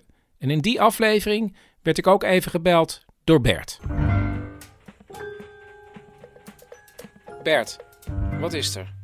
Ik mis het café. Oh, Café Brandon? Nee, gewoon, ik mis het gaan naar een café. De gezelligheid, de gesprekken, de foute grappen. Maar die mogen, want een café is een safe space. Maar Bert, je bent helemaal geen caféganger, toch? Nee, nou, tot het begin van dit jaar niet. Nee, maar ik heb heel erg het idee dat ik na 12 maart ergens een stamgast had willen worden. Een stamgast? Ja, een stamgast, Chris. Van een gezellig stamcafé. En dat was dan een tweede huiskamer voor me geworden. Oh, je ziet het al helemaal voor je. Ja, heel erg. Hè? Ik, ik zie me zo naar binnen gaan. Hey, dag Hans, nou de vijf zit weer in de klok. en dan, zit eh, hier in dat- ah Bert, nou eh, de kapper heeft je wel te pakken gehad zeg. Het is dat je zo lang bent, anders had ik je niet herkend. Kijk eens hier, Hup, de, de eerste is van mij. En dan, hè, lekker Hans, hè, gezellig. Ehm, zijn Marion en Arie er nog niet? Marion en Arie? Ja, dat zijn dan de nieuwe vrienden die ik niet gemaakt heb, Chris. Hè? Marion doet iets administratiefs in een kinderopvang. En nou ja, bij Arie is het eh, nu te laat om te vragen wat hij eigenlijk precies doet. Maar ik, ik denk iets in de IT of zo, een systeembeheerder. Maar, maar Bert, dit is allemaal eh, niet zo, toch, wat je nu zegt? Nee, Chris. Nee, door de corona zit ik nu dus iedere avond thuis. Net als voor corona. Ehm, precies. Maar als je zo graag een stamgast in een café had willen zijn, dan had je die Ja. stap toch al lang voor corona kunnen nemen? Eh, ja, maar daar was ik toen dus nog niet aan toe. Hè? Maar nu wel, en dat is me dus door de corona ontnomen. Ah, net als het halen van je rijbewijs. Precies. Nou, dat is ook zoiets. Nou, dan heb ik heel goed nieuws, Bert. Want je kan gewoon rijlessen nemen. Is dat zo? Ja. En zal ik anders toch nog een keer dat nummer geven van Peter, die rijschoolhouder van Paulien? Ik, ik, eh, ik heb een wisselgesprek. Oh, nou ja. die moet je dan maar even nemen, toch? Kan belangrijk zijn. Precies. Misschien is het Marion. Of Ari. Kan je meteen even vragen wat voor werk die eigenlijk precies doet? Bert? Het afgelopen jaar heb ik dus besteed aan de Canarieboekjes en daar allemaal afleveringen over gemaakt. En voor ik het vergeet, ik heb een soort eerbetoon aan die Canarieboekjes geschreven, namelijk mijn eigen boekje Hoe maak ik een podcast? Nou zijn die Canarieboekjes heel erg klein, die van mij is iets groter op ansichtkaart formaat. Ben je nou benieuwd hoe ik mijn podcast maak? Of hoe je überhaupt een podcast maakt? Misschien wil je zelf al een podcast maken. Dan is dit een ideaal cadeau. Kost maar een tientje. Eh, Kan zo in de schoen eh, met Sinterklaas. Of met kerst. Of gewoon. Kost 10 euro in de boekwinkel. Maar je kan ook naar manmetdemicrofoon.nl. En als je dan 12,50 euro of meer doneert, dan stuur ik hem naar je toe. En als je 20 euro of meer doneert, dan geef ik er ook nog een man met een microfoongids bij. Nou ja, goed. terug naar de Canarieboekjes. Zoals jullie weten kwam Dirk heel vaak terug. Uh, bijvoorbeeld bij het Canarieboekje Met succes solliciteren. En nu laat ik een stuk horen, hoor je eerst Dirk en daarna ook nog mijn moeder.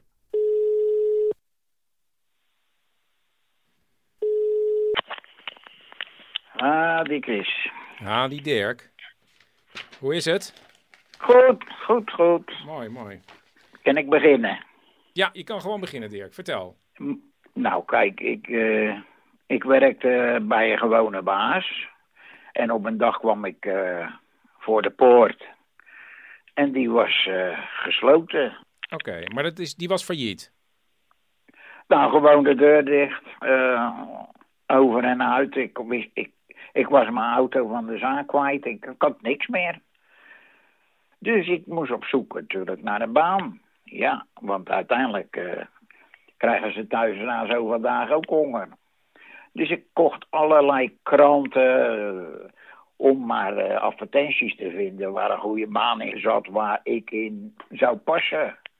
En ja hoor, na een paar dagen zoeken, dan had ik opeens een baan. Tenminste, dacht ik, nou dat is wel wat voor mij. Een verkoper kopieermachines en uh, auto van de zaak en een goed salaris. Dus ik denk, nou, ik ga een brief schrijven en uh, dan zien we het wel. Nou, ik dat gedaan. Nou, dan zit je natuurlijk een tijdje te wachten. En dan denk je, nou, uh, mensen zijn me vergeten. Maar opeens moest ik me dus na een paar dagen dat ik die brief had gekregen, moest ik me gaan melden in het Hilton Hotel. Waar? In Rotterdam? Ja, in Rotterdam, ja. Maar het Hilton Hotel zei voor mij niet veel. Ik bedoel, uh, in zulke soort uh, dingen kom ik nooit, want ik slaap gewoon thuis natuurlijk. Het is misschien toch goed om het Canarieboekje er even bij te pakken en wel bij het hoofdstuk Een onderhoud. De indruk die u bij een onderhoud maakt is beslissend. Er mag dus niets hinderlijk zijn in uw optreden of in uw voorkomen. Een goed verzorgd uiterlijk is voor uw persoon even nodig als voor uw brieven. Iedereen weet wat met een goed verzorgd uiterlijk wordt bedoeld. Goed geschoren, helder linnen, zindelijke nagels, geen modderspatten van de vorige dag, enzovoorts. Vermijd alles wat vatterig of opzichtig kan worden gevonden, ook schelgekleurde dassen en doekjes. Maar zorg ervoor dat uw broek in de plooi valt. Hoed u voor het uiterlijk van hongerig edelman. Voor jonge dames geldt hetzelfde liedje op een andere wijs. Eenvoudige kleding past op kantoor het best. De donkere jurk met lange mouwen en het helder witte kraagje is nog altijd favoriet. De keus van mantel en hoed zal wel worden bepaald door de weersgesteldheid. Van een jonge dame zal een bescheiden parfum niet hinderen. Voor een heer der schepping is elk geurtje uit den boze. Het is altijd moeilijk de middenweg te vinden tussen gevoel van eigenwaarde en verwaandheid. Bij deze gelegenheid moet u dit probleem toch oplossen. Wel eigenwaarde, geen eigen dunk. In wat voor een outfit kwam Dirk het Hilton Hotel binnen? Nou, gewoon met mijn spijkerbroek. En uh, weet ik wat het Hilton Hotel is. Dus dat, ik had gewoon een spijkerbroek met een... Uh, met zijn spijker overhemd. Het was in de zomer, dus het was... Uh, ik, ik, ik, ik, liep gewoon op mijn gewone schoenen. Gewone schoenen, sandalen had ik geloof ik of zo. Maar dat weet ik niet meer precies. Maar ik zag er gewoon uit als, als iemand gewoon. Had je een pak thuis? Nee. Ja, dat van mijn trouwen nog. Dat had ik toen gekocht. Uh, maar dat was toen al uh, een jaar of uh, twaalf later of zo. Hè? Dus toen was ik al een beetje uitgedijd. Dirk meldt zich bij de receptie van het hotel en wordt doorgestuurd naar een kamer hoog in het gebouw. Nou jongens, het, dat was een luxe kamer. Ik denk, oh jee. Leek wel een bruiloftssuite. Nou, ik voelde me natuurlijk niet echt op mijn gemak. Dus die man zegt tegen me, en u komt voor een verkoper uh, kopieermachines. Ik zeg, ja, dat klopt. Nou, wat hebben u al uh, sowieso al uh, gedaan op dat gebied? Ja, weinig, zei ik. ik weinig. Ik bedoel, ik wil me gewoon waarmaken om eh, dat te gaan doen. Lijkt me wel wat, autootje van de zaak en eh, goed salaris. Ik zeg, nou, dus daar kom ik voor natuurlijk. Hij zegt, weet je wel wat dat inhoudt, zo'n... eh, dat verkopen van kopieermachines. Ik zeg, ja. Ik zeg, ik heb vroeger ook eh, kerstbomen verkocht. En ik heb wel meer dingen verkocht. Ja. Dirk heeft meer dingen verkocht, maar het begon eigenlijk allemaal bij de kerstbomen. Mijn vader kocht altijd kerstbomen van de bloemist. En dan hielp ik mijn vader met eh, kerstbomen verkopen. Dus dan ging het zo. Dan kwamen de mensen voor een kerstboompje en mijn vader had dat geleerd. Dan zeg hij, dan pak hij eh, die kerstboom zo bij je toppie. Tjoeke, tjoeke, tjoeke. En stampt hij een beetje op de grond. En dan zei je, die kost 7,50. En dan liep hij verder en dan, eh, die kost een tientje. En die 12,50. En dan kwam hij weer dat boom, bij dat boompje van eh 7,50. En dan zei ik, en die kost maar 10 gulden. Oh, nou die ziet er goed uit. En dat had hij zelf niet door dat hij die ook al gezien had. Maar toen dat hij dat toen zeven, er stonden er zoveel. Dat kan je niet weten natuurlijk. Hè, maar de truc was, je begint bij een boom van 7,50, je komt daar terug en dan kost hij een tientje. Ja, dan zei je ineens, nou die, en dan vonden ze die ineens wel leuk.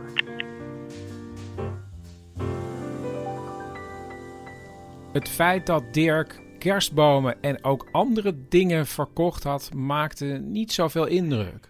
Hij zegt, ja, maar daar komt wel wat voor kijken. U moet dan voortaan ook een eh, mooier pak aan en zo. Hij zegt dat je wel in zo'n hotel dus eh, ja, presentatief overkomt. Stel dat die mensen daar ook ergens in een hotel zitten of in een mooi gebouw en, dan moet je pakje deftig helemaal. Ja, ja, daar heb ik niet aan. Ik kom zo van, eh, van huis. Ja, met de bus en de tram en... eh, nou ja, hij zegt, eh, vertel eens wat over uzelf. Ik zeg, ja, wat moet ik nou over mezelf vertellen? Dat is, dat is zo'n pokkenvraag eigenlijk. Ik zeg, ja, nou ja, ik ben getrouwd. Ik heb drie kinderen en mijn baas was ineens... ik denk dat hij failliet was en ik moest mijn auto inleveren. En ik moest werk zoeken van de sociale dienst. Hij zegt, nou oké. Hij zegt, u hoort over veertien dagen nog van ons of eh, we met u in zee gaan of niet. Nou Chris, je gelooft het of niet. Ik heb nooit meer wat gehoord.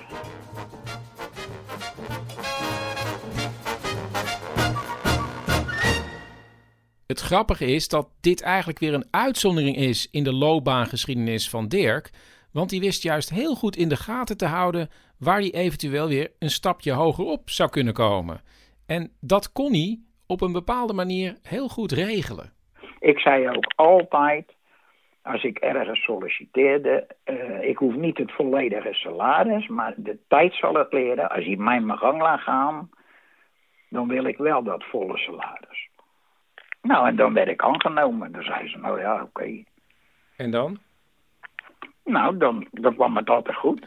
Weet je, Dirk, wat je nu zegt, dat staat in dat kanarieboekje. Dat dat een goede manier is om een baan te krijgen.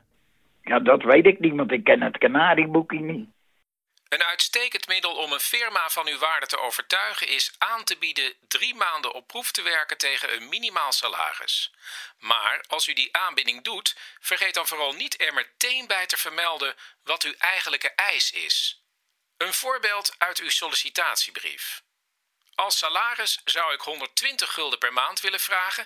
Ik ben echter gaarne bereid u te laten onderzoeken of ik dit waard ben en eerst drie maanden op proef te werken tegen een minimale vergoeding die bij onderling overleg vastgesteld zou kunnen worden.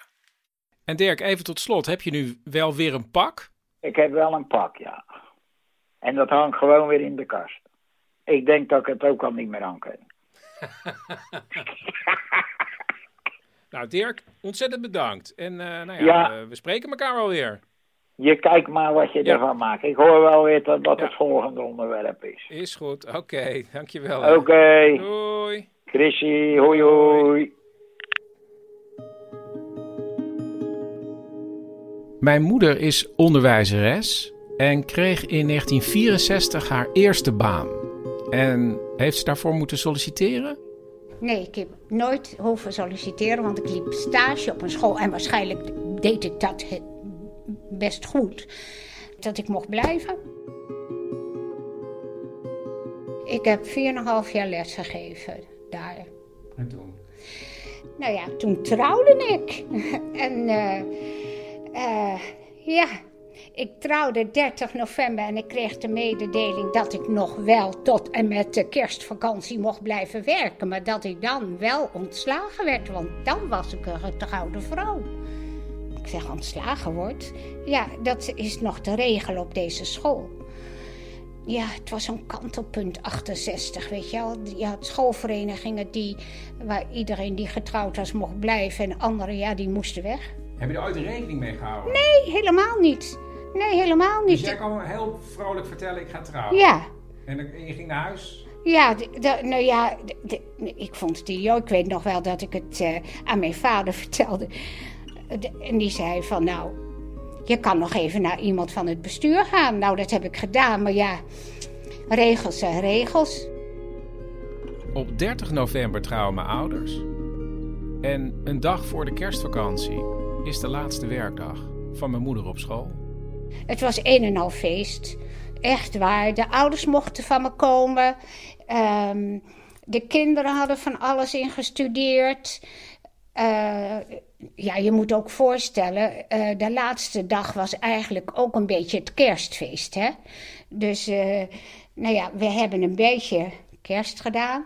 En toen mochten van mij ook de ouders komen om, als ze dat wilden, afscheid van me te nemen. Nou, dat was heel leuk. Ik heb een heel leuk afscheid gehad van de klas. Echt waar. En toen liep je naar huis. Ja, toen ging ik naar de bus en dat was het.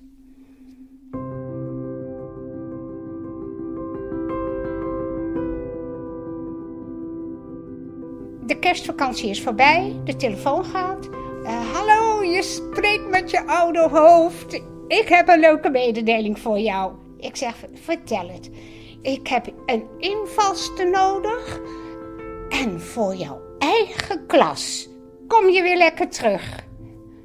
Ik denk, wat krijgen we nou? Eerst word ik ontslagen. En nou moet ik op een invalscontract moet ik nou terugkomen. Ik zeg, nee, dat doe ik niet. Wat, zegt hij? Ik zeg, nee, dat doe ik niet. Nou, zegt hij, dit had ik niet verwacht. Ik zeg, nou, dan heb je het steeds echt wel verkeerd bekeken. Nou, dat was zo'n beetje het laatste wat ik ooit met hem heb besproken.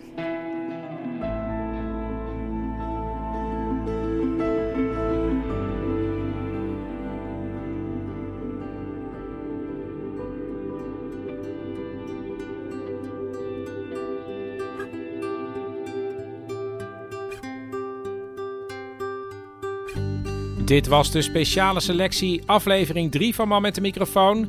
Meegewerkt hebben Daniel Cornelissen, Paulien Cornelissen, Diederik Ebbingen, Marcel Hensema, Cecile Heuyer, Tom van Kalmthout, Bert Kommerij, Lies Visgedijk en Leopold Witte. Man met de microfoon wordt mede mogelijk gemaakt door Theater de Kleine Comedie in Amsterdam. Als je met kerst in één keer verlost wil zijn van de stress, ga dan met je hele familie naar De Verlosser. En let op, die voorstelling gaat sowieso door. Is het niet in het theater dan online? Het is een dolkomische muzikale voorstelling van Theo Nijland over een familie die wanhopig probeert om de kerst een beetje gezellig door te komen. Hou het in de gaten op dekleinecomedie.nl. Over twee weken ben ik er weer met de speciale selectie nummer 4. En dat zijn dan de hoogtepunten uit de serie Lockdown van vorig jaar. Ik zou zeggen, tot dan. En blijf nog even wachten, want mijn moeder komt nog even na de eindtune. En, en dat is nu. Het rare was dat ik toen eens op de Grote Markt in Haarlem zat. En eh, dat ik met een vriendin eh, gewoon een kopje koffie had besteld. En dat voor ons ook twee vrouwen zaten.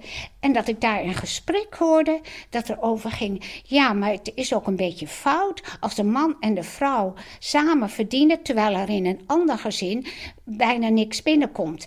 En toen dacht ik, nou, bij alle vrouwen is het ook nog niet geland dat we evenveel rechten als de man hebben.